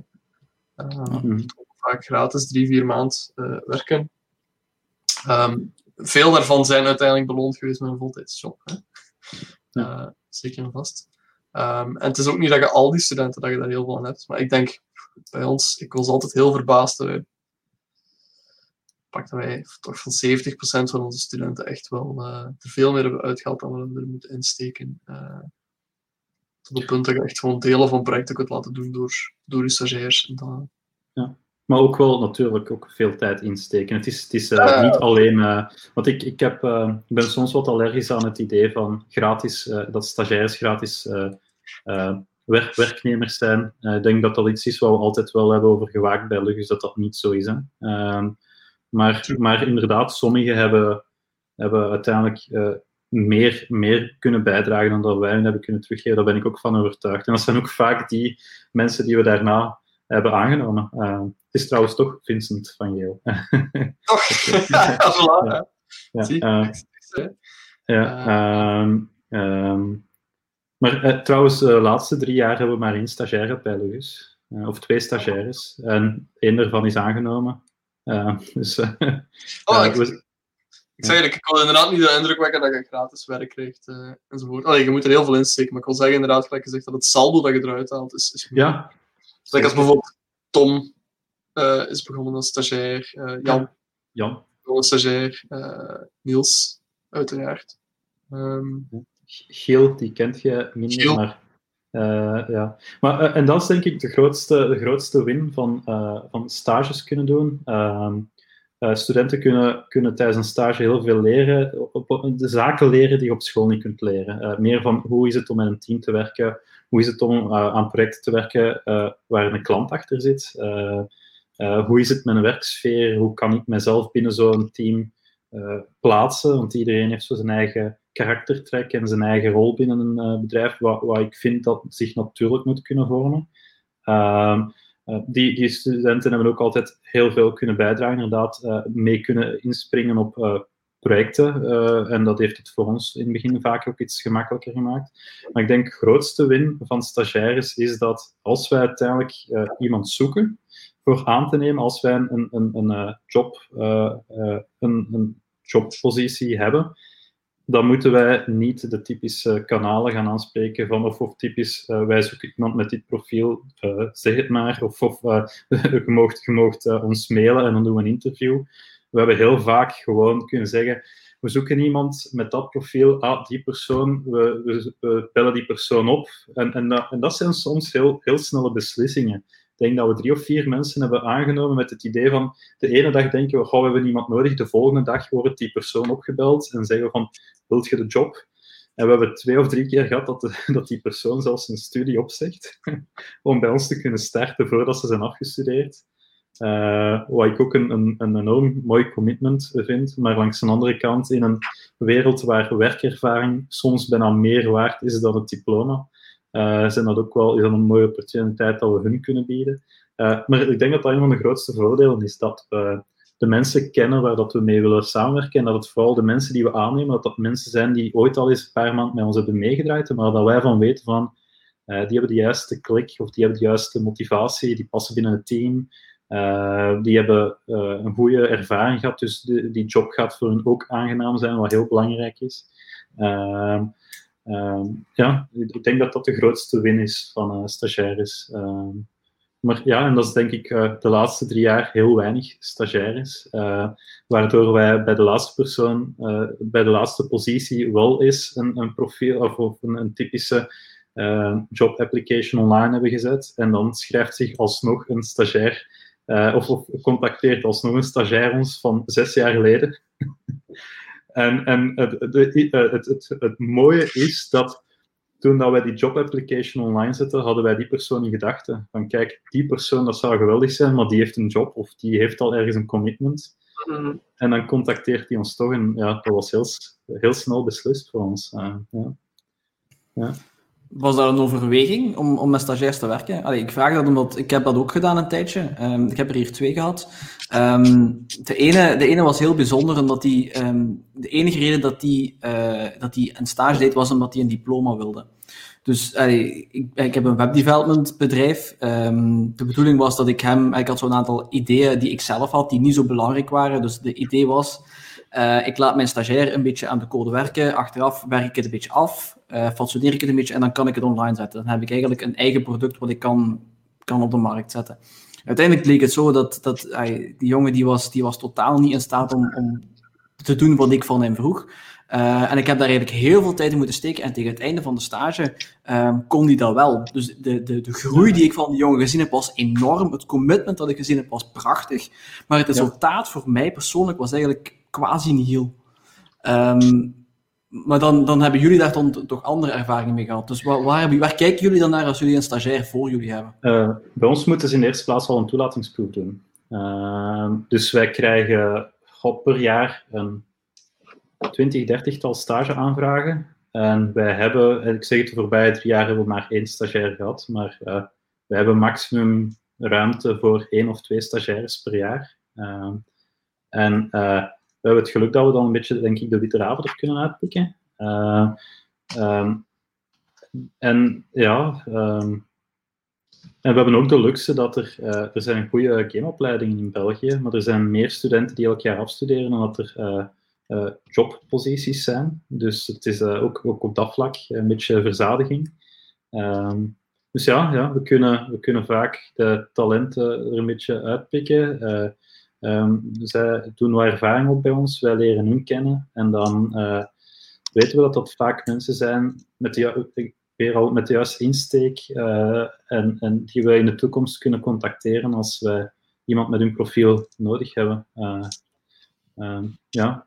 Dus ik denk dat dat een beetje het, het geluk is. Daarnaast ook, um, er zijn ook stagiaires inderdaad waar dat het waar dat wij vaak meer inderdaad moeten insteken dan dat we eruit halen, of wat dat niet altijd even gemakkelijk is. Maar dat is onderdeel ervan. Ik vind dat, ik vind dat niet verkeerd. Uh, en en uh, op het einde moet, moet de student of een stagiair ook altijd een, een, een punt krijgen. Enerzijds van ons, anderzijds van de school, vaak op basis van een verslag.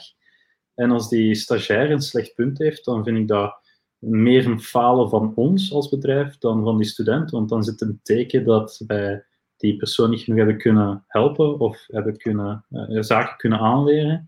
Uh, dus ja, we, het is een kwestie van er uh, ja, ook wel wat, wat tijd in steken en ook wel de dingen meegeven die ze echt niet op school kunnen krijgen. En dan heb ik het over zaken zoals ehm, projectuur en kost kunnen inschatten, wat heel moeilijk is.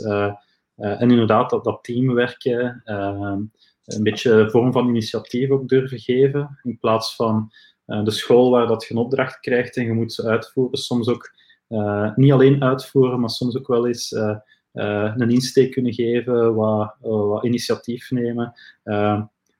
zo van die zaken vinden we allemaal heel belangrijk dat, dat, dat dat kan. En dat is ook plezant, hè. we komen zo vaak in contact met, of er is altijd wel, komen ook vaak, het zijn nieuwe mensen vaak op het bedrijf die met nieuwe ideeën komen, die een andere dynamiek ook aan, aan het team geven en zo. Dus dat, is, dat is vaak heel, heel plezant. Is dat iets wat jullie direct aan gedacht hebben toen jullie nog maar met drie waren om eh, met stagiaires te werken? Of is dat iets met, uh, wat met de, met de tijd gegroeid is naar de eerste werknemer? Want uiteindelijk, eh, het is gelijk je zelf zegt, je moet zelf eerst een stuk van jouw tijd investeren in een stagiair om die mee te krijgen met, met het bedrijf. En als je dan maar met drie bent, zeker Robin in zijn geval met één programmeur, uh, die dan hmm. ook een heel deel van het businessverhaal deed, dat was een hele uitdaging, veronderstel ik. Ja, ik weet niet of het echt onderdeel was van het plan initieel, maar het is wel heel snel gegaan, omdat wij denk ik heel snel aanvragen kregen. Uh, maar dat is ook alweer, het is alweer even geleden, dus het kan wel zijn dat we dat ooit eens in gesprek hebben aangehaald van uh, stagiaires enzovoort. maar ik weet niet of dat, dat onderdeel was van een businessplan. Dat mag ook geen onderdeel zijn van een businessplan, vind ik, want dan gaat het wel zien als gratis werkkracht. maar ja, weet niet, Robin, misschien kunt jij daar, uh, herinnert jij je dan nog hoe dat, dat, hoe dat, dat idee kwam? Dat is zeker niet het plan van het businessplan, uh, dat sowieso niet. Um, ik denk, onze eerste stagiair was Isaac Fosti, right? Ja, Isaac, ja. ja klopt. Uh, en dat was, we hebben het er toen mee afgesproken in, in, de eerste Belgische Game Dev meeting in Antwerpen toen, bij, ja, bij Gent, in Unity ook wel. Die, die heeft ons toen zelf zelf een mail gestuurd, denk ik. Hè? Ja, ja. Dat is toen heel goed meegevallen. Ja. Um, en toen waren we inderdaad uh, wel, wel zoiets van, dit, dit kan goed gaan. Mm -hmm. um, ik, ik, ik heb zelf altijd heel positief gestaan tegenover het idee van uh, stagiairs. Niet noodzakelijk omdat het zo goed is voor je bedrijf, maar gewoon omdat het ook is voor studenten ook gelijk als dat. Mm -hmm. Ik heb het echt zeker binnen die gamesindustrie. Zeker als ze begint op te komen. Uh, ik heb echt wel die ervaring. Allee, die ervaring in het bedrijf doet heel veel. Ja. En je moet, die, je moet die studenten dat ook kunnen bieden. Dat is ook een Mhm. deel van. ik wil er zelf niet te veel credit over nemen, maar ik denk dat Lucas daar toch wel een zekere rol in heeft gespeeld in die, in die Vlaamse game-industrie helpen uit te bouwen. Um, en dat die stagiairs daar deels, um, deel, deels aan hebben mee, uh, mee gelegen, ook uh, rechtstreeks of onrechtstreeks. Juist om, om een beetje te zorgen dat, dat die mensen die ervaring kunnen krijgen als een soort van, uh, ik ga niet zeggen public service, maar uh, allee, uh, om, we, we hebben altijd gezegd... Heb ik, altijd graag gedaan. Ja. Ja. ja. We hebben altijd gezegd, en dat was ons eerste, ons, een van onze selling points, van dat we ook altijd wilden bijdragen aan de groei van de industrie. En ik denk dat we dat verhaal van de stagiairs er zeker een onderdeel van zagen. Uh, en ik herinner mij ook net, uh, ja, ik heb zelf een stage gedaan en Tom ook. We hebben een gigantisch uh, fijne stage gehad bij, Vuitco Games in Rotterdam. deels ook op eigen initiatief, want wij mochten binnen het kader van de opleiding een stage doen, maar dat was niet verplicht. En als gevolg waren Tom en ik de enigen die onze zomervakantie hadden opgeofferd voor een stage. Maar dat was een geweldig goede ervaring. Dat was zo'n positieve ervaring dat wij, we altijd een beetje ja, die ervaring die we daar hebben, ik denk dat we dat altijd hebben meegebracht naar hoe dat wij wouden dat onze stagiaires uh, hun stage zouden ervaren. Dus een beetje op diezelfde manier die stages aangepakt. Uh, dus uh, raar maar waar, maar die, die, die stage bij Vertigo Games die heeft zeker in de beginjaren enorm, enorm veel invloed gehad op uh, Studios. hoe dat we de dingen deden, zeker met, met de studenten. Ehm, ja, ja, dus uh, misschien on, onbewust toch onderdeel van het plan, maar ik weet niet of het ooit echt geschreven stond op papier dat dat een, uh, een plan was. Uh, ja. Het stond in elk geval niet in de businessplan, niet in de cijfers. ja, ja, ik weet niet hoe dat je dat inrekent in cijfers. Misschien in. ja, ja.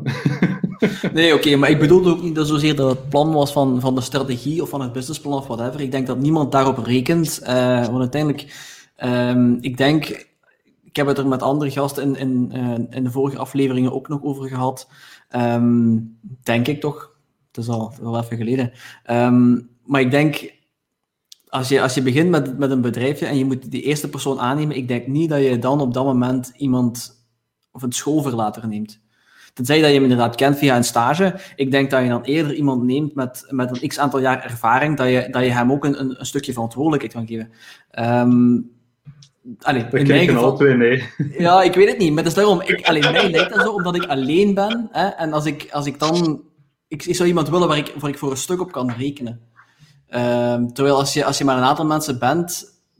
Allee, Lucas heeft nu, heeft nu tien man in dienst, of negen man in dienst. Ja, dan, dan kan je alles iemand eh, een, een, een namiddag of een paar dagen per week laten eh, een, een nieuwe, nieuwe werknemer begeleiden. Ehm, Goh, ehm, ik kan sowieso zeggen, bij, bij Lugus, elk persoon is bijna, eh, kan, kan, kan functioneren als een eenmansteam. En ik vertrouw ze allemaal om eh, bedrijfsleiding voor een tijd over te laten. eh, omdat ze het allemaal met van alles, in alles zijn betrokken. Maar ik vond het fijn om Robin ook nee te zien knikken op het idee van iemand aannemen met werkervaring. Ik heb een enorme hekel aan het verhaal van, of waar dat bij elke job application of open application staat, zoveel aantal jaar eh, werkervaring vereist. En meer zelfs als je gaat kijken naar de job application die ik vorige maand online heb gezet. Heb ik er heel specifiek naartoe bij gaat. gezet van, wij zoeken mensen met geen werkervaring en dat is geen mop. Waarom? Eh, als je werkervaring hebt, en op, op zich, dat, dat kan ook goed zijn, maar je zit al... We, we hebben een, elk, elk bedrijf heeft een beetje zijn bedrijfscultuur en, en elk bedrijf heeft zijn eigen manier van werken. En ik denk, Lugus, eh, zeker en vast. Eh, iemand die al werkervaring heeft, heeft, is misschien wat vastgerust in bepaald denkwijze of, of een bepaald bedrijfscultuur. En dat is uiteraard daarom niet negatief, of, of dat is ook niet voor iedereen. Maar ik vind het net zo leuk om iemand die pas is afgestudeerd en echt nog eh, dat 100% dat enthousiasme heeft om die, eh, met dat enthousiasme in het bedrijf te kunnen eh, brengen en, en die persoon zich daar ook nog verder in te laten groeien en zijn rol binnen zo'n team te laten ontdekken. Ehm, en ik, zie, ik vind dat zoveel meerwaarde. Ik, ik vind het een omgekeerde wereld dat, dat eh, bedrijven werkervaring verwachten. Want eh, ik denk iedereen bij Lugus, eh, de meeste bij Lugus hadden nog geen werkervaring meer, zelfs sommigen hebben echt letterlijk uit school gehaald. Ehm, die, die waren nog niet afgestudeerd. En, en, en vandaag de dag staat daar zo'n sterk team. Ehm, Ja, maar ik wilde Dus, ook eh, absoluut niet beweren dat, dat die mensen niet de nodige skills hebben. Hè, want het enige wat ik wilde zeggen is, als ik persoonlijk als éénmanszaak, want dat is uiteindelijk wat ik Ja. ben, als ik dan 50% van mijn week moet spenderen aan, aan het opleiden van iemand, eh, Ja. allee, dat heeft impact op je business. En uiteindelijk, je kunt dat ook voor plannen, hè. Ehm, maar, maar als er dan een deadline aankomt of er, is dan, eh, gaat, er gaat iets mis en je moet ingrijpen, dan, dan, dan gaat de Nee. opleiding van die persoon die schiet erin in. Binnen die Eh, context klopt dat en had dat steek. Eh, maar we hebben nooit, eh, we zijn altijd met, we zijn met drie begonnen en we hadden alle drie vertrouwen in elkaar. En ik denk ook, moest ik opnieuw starten, ik zou nooit een mansbedrijf starten. Het is altijd fijn om op zijn minst één andere persoon te hebben waar dat je op kunt rekenen, ook iemand die je vertrouwt. En dan, dan is dat minder een kwestie wat je daar inderdaad zegt. Dan eh kun je met, met een eh, in een eenmansbedrijf een, een stagiair hebben, ja, dan is het de tijd die je investeert in een stagiair, ja, is des te groter eh, op on the bigger scale of things. En, eh, en een, een groter risico, uiteraard. Nee, dat klopt. Eh, ik denk dat dat de context, eh, context is. Ja, ja. Ja. Ehm, ik denk dat we stilaan eh, aan een uur en drie kwartier denk ik dat we ongeveer al bezig zijn. Dat is een, eh, een, heel, mooi, een heel mooi punt om, eh, om stilaan af te ronden. Ehm, misschien is het leuk als jullie af en toe nog eens even terugkijken op, op de periode bij Lugus. Ehm, wat je ervan onthouden hebt en, en ai, wat je ervan meeneemt naar de toekomst. Kevin, jij zit er uiteraard nog in. Robin, jij bent er nu al, een- al een tijdje uit. Ehm, hoe, hoe blijft dat bij als een herinnering voor jou? Robin eerst? Dat is een, moeilijke vraag, ja. Ehm, gelijk, als Kevin daar straks het begint zo'n beetje te vervagen. Zo, hè. Je weet meer alles, eh, begint dingen te, te, te vergeten. Dat het normaal is. Je onthoudt alleen maar de, de, de goede dingen, denk ik. Eh, de successen. De, de leuke momenten. Dingen zoals eh, taart meebrengen voor het ganse team. Of eh, frieten gaan halen voor het ganse team. Of dat we nog in Genk Centrum zaten met, eh, met iedereen naar, eh, naar de McDonald's gaan. Eh, dat zijn zo de, de, de momenten die ik me nog levendig kan herinneren. Ehm, de, ja, een paar minder leuke momenten bij de moeilijkere klanten. Die, uiteraard ook nog hangen, maar meer voor het, uh, hoe moet ik het zeggen, voor, de, voor het humoraspect. Ja, van, hoe serieus namen toen allemaal, terwijl het eigenlijk toch allemaal niet zo, uh, hmm. zo ongelooflijk was. Uh, nee, vooral, ja, vooral die, die dingen. Hè. De, ik zeg het, de stagiairs, het team, allemaal samen verhuizen naar het nieuwe kantoor op de Sima Crip. Ehm, de Game Jams misschien? De Game Jams. Ja. Uh, allee, dat, dat soort dingen. Um, allemaal samen. De, de brainstorm sessies van Kika en Bob. de routine van dat project. Dat was ook... Uh, acht, negen volwassen mensen naar kindercartoons te kijken. Om, ja, van, fantastisch. Mm -hmm. um, ik weet dat niet, ja, dat, dat soort dingen.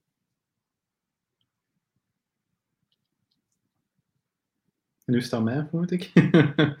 wat, ik uh, uit, uithaal. Uh, ja, voor mij is, is, is al negen. Ik sta daarmee op en ik ga daarmee slapen. Dat is, dat is bijna tristig om te zeggen, maar het verhaal van Lucas is, is mijn verhaal voor de laatste tien jaar.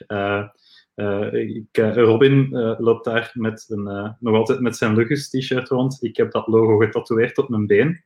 Uh, dat, dat, laat ook zien mijn, mijn, wat dat betekent voor mij. Want je zou zeggen, een logo van een bedrijf tatoeëren, waarom zou je zoiets doen? En, en wat als het dan fout gaat? Uh, voor mij staat, ik heb, ik heb dat laten tatoeëren op, uh, tijdens het, vijfjarige bestaan van de GUS. En dat symboliseerde toen vijf geweldige jaren. ups en downs, maar vooral ook vooral geweldig. en de ervaring en, en de, de vriendschap en het team. En dat mocht voor altijd op mijn been staan. En, uh, en nu zijn we bijna, is het bijna tienjarig feest. Uh, dus je moet eens denken wat ik dan ja, op mijn hoofd. uh, nee, dat ga ik niet doen. Moest ik nog wat haar hebben dat ik dat kan wegsteken. Maar um, dus ja, wat haal ik uit, uit, uit uh, Lucas tien jaar? ja, dat is beste, beste jaren van mijn leven. Uh, veel kunnen doen. Uh, uh, telkens ook nieuwe doelstellingen kunnen bereiken. Dingen die ik nooit had gedacht dat mogelijk zijn. En elke keer slagen we daarin. een succesvol eigen IP creëren met een community. binnenkort op console kunnen releasen. de Best Business Award winnen op de Belgian Game Awards. al die zaken, stuk voor stuk dingen. Ja, dat, dat uh, dat kan niemand meer afnemen, wat er ook gebeurt in de toekomst. Uh, dus wat haal ik daaruit? Alleen maar goede herinneringen, heel veel levenswijsheid. Uh, ik, ik heb ook, wat er ook gebeurt in de toekomst, ik heb geen schrik, omdat ik, als, je, als je tien jaar een bedrijf runt en ook met moeilijke zaken en je raakt daardoor, dan, dan ja, laat het maar op mij afkomen, zou ik dan zeggen. En, en, dus ik denk ook een beetje zelfvertrouwen.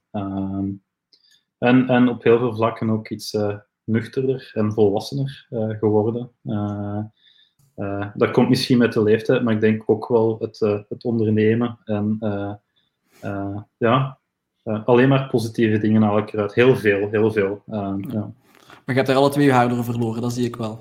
Ja, ja. ik moet wel zeggen, en, en nogmaals een verwijzing naar de shirt. Ik vind uh, Robin past nog in de shirt. En hij zou dat, bij mij zou dat niet lukken. uh, dus uh, haar verloren en bij sommigen wat kilo's bijgekomen. uh, maar ja, haar verloren. Ik, ik, ik wijd dat ook voor een groot deel aan, aan Lugus. haar verloren, sowieso. ja, ja. Ja, oké. Dan, uh, ik, ik, ik hoor langs beide kanten hoor ik hele positieve verhalen met uh, langs de ene kant heel veel herinneringen en langs de andere kant heel veel mooie vooruitzichten. Um, ik denk dat, dat, uh, denk dat dat een mooie conclusie is. Um, heren, ik ga je alle twee heel veel bedanken voor de tijd um, en voor de, voor, de, voor de prachtige illustratie uh, van, uh, van het bedrijf, hoe het gegroeid is en, uh, en ja, de, de ups en de downs, zullen we zeggen. Het was het is een hele rit geweest. Kevin, ik wens je nog veel succes met Lugus zelf. Dank u wel. De show must go on, zeggen ze. Zeker. En, dat gaan we, en de show gaat alleen maar groter worden en, en spectaculairder. Daar, ben ik, uh, daar, gaan we, uh, daar gaan we voor zorgen. Uh, bedankt dat, dat ik ook uh, mijn verhaal mocht doen. En ik vind het ook fijn om dat verhaal nog eens samen met Robin te kunnen doen. Ik, vond, ik was ook wel eens nieuwsgierig naar een hele hoop zaken die hij vertelt. En ik heb mooie dingen gehoord, wat heel fijn is. Dus ik vond het, vond het een heel fijn gesprek. Ja. Alright. Zo, heren, hartelijk bedankt. En misschien kunnen we daar ooit binnen een jaar of vijf, Kevin, dan plannen we nog plannen we vervolgen. Kijken hoe, ja, hoe ver dat we... van alles en nog wat. En... Zo. ja, maar hadden we de baard groeien tot dan? Uh... Ja, dat is de overkammen. Ja, dat ik aan het snaren ben. Zo word je president tegenwoordig. Hè. Uh, ja, oké. Okay. Nu gaan we afronden, want nu gaan we de foto gaan ja, ja. Mannen, hartelijk bedankt. En hopelijk tot de volgende keer. Ja, bedankt. Tot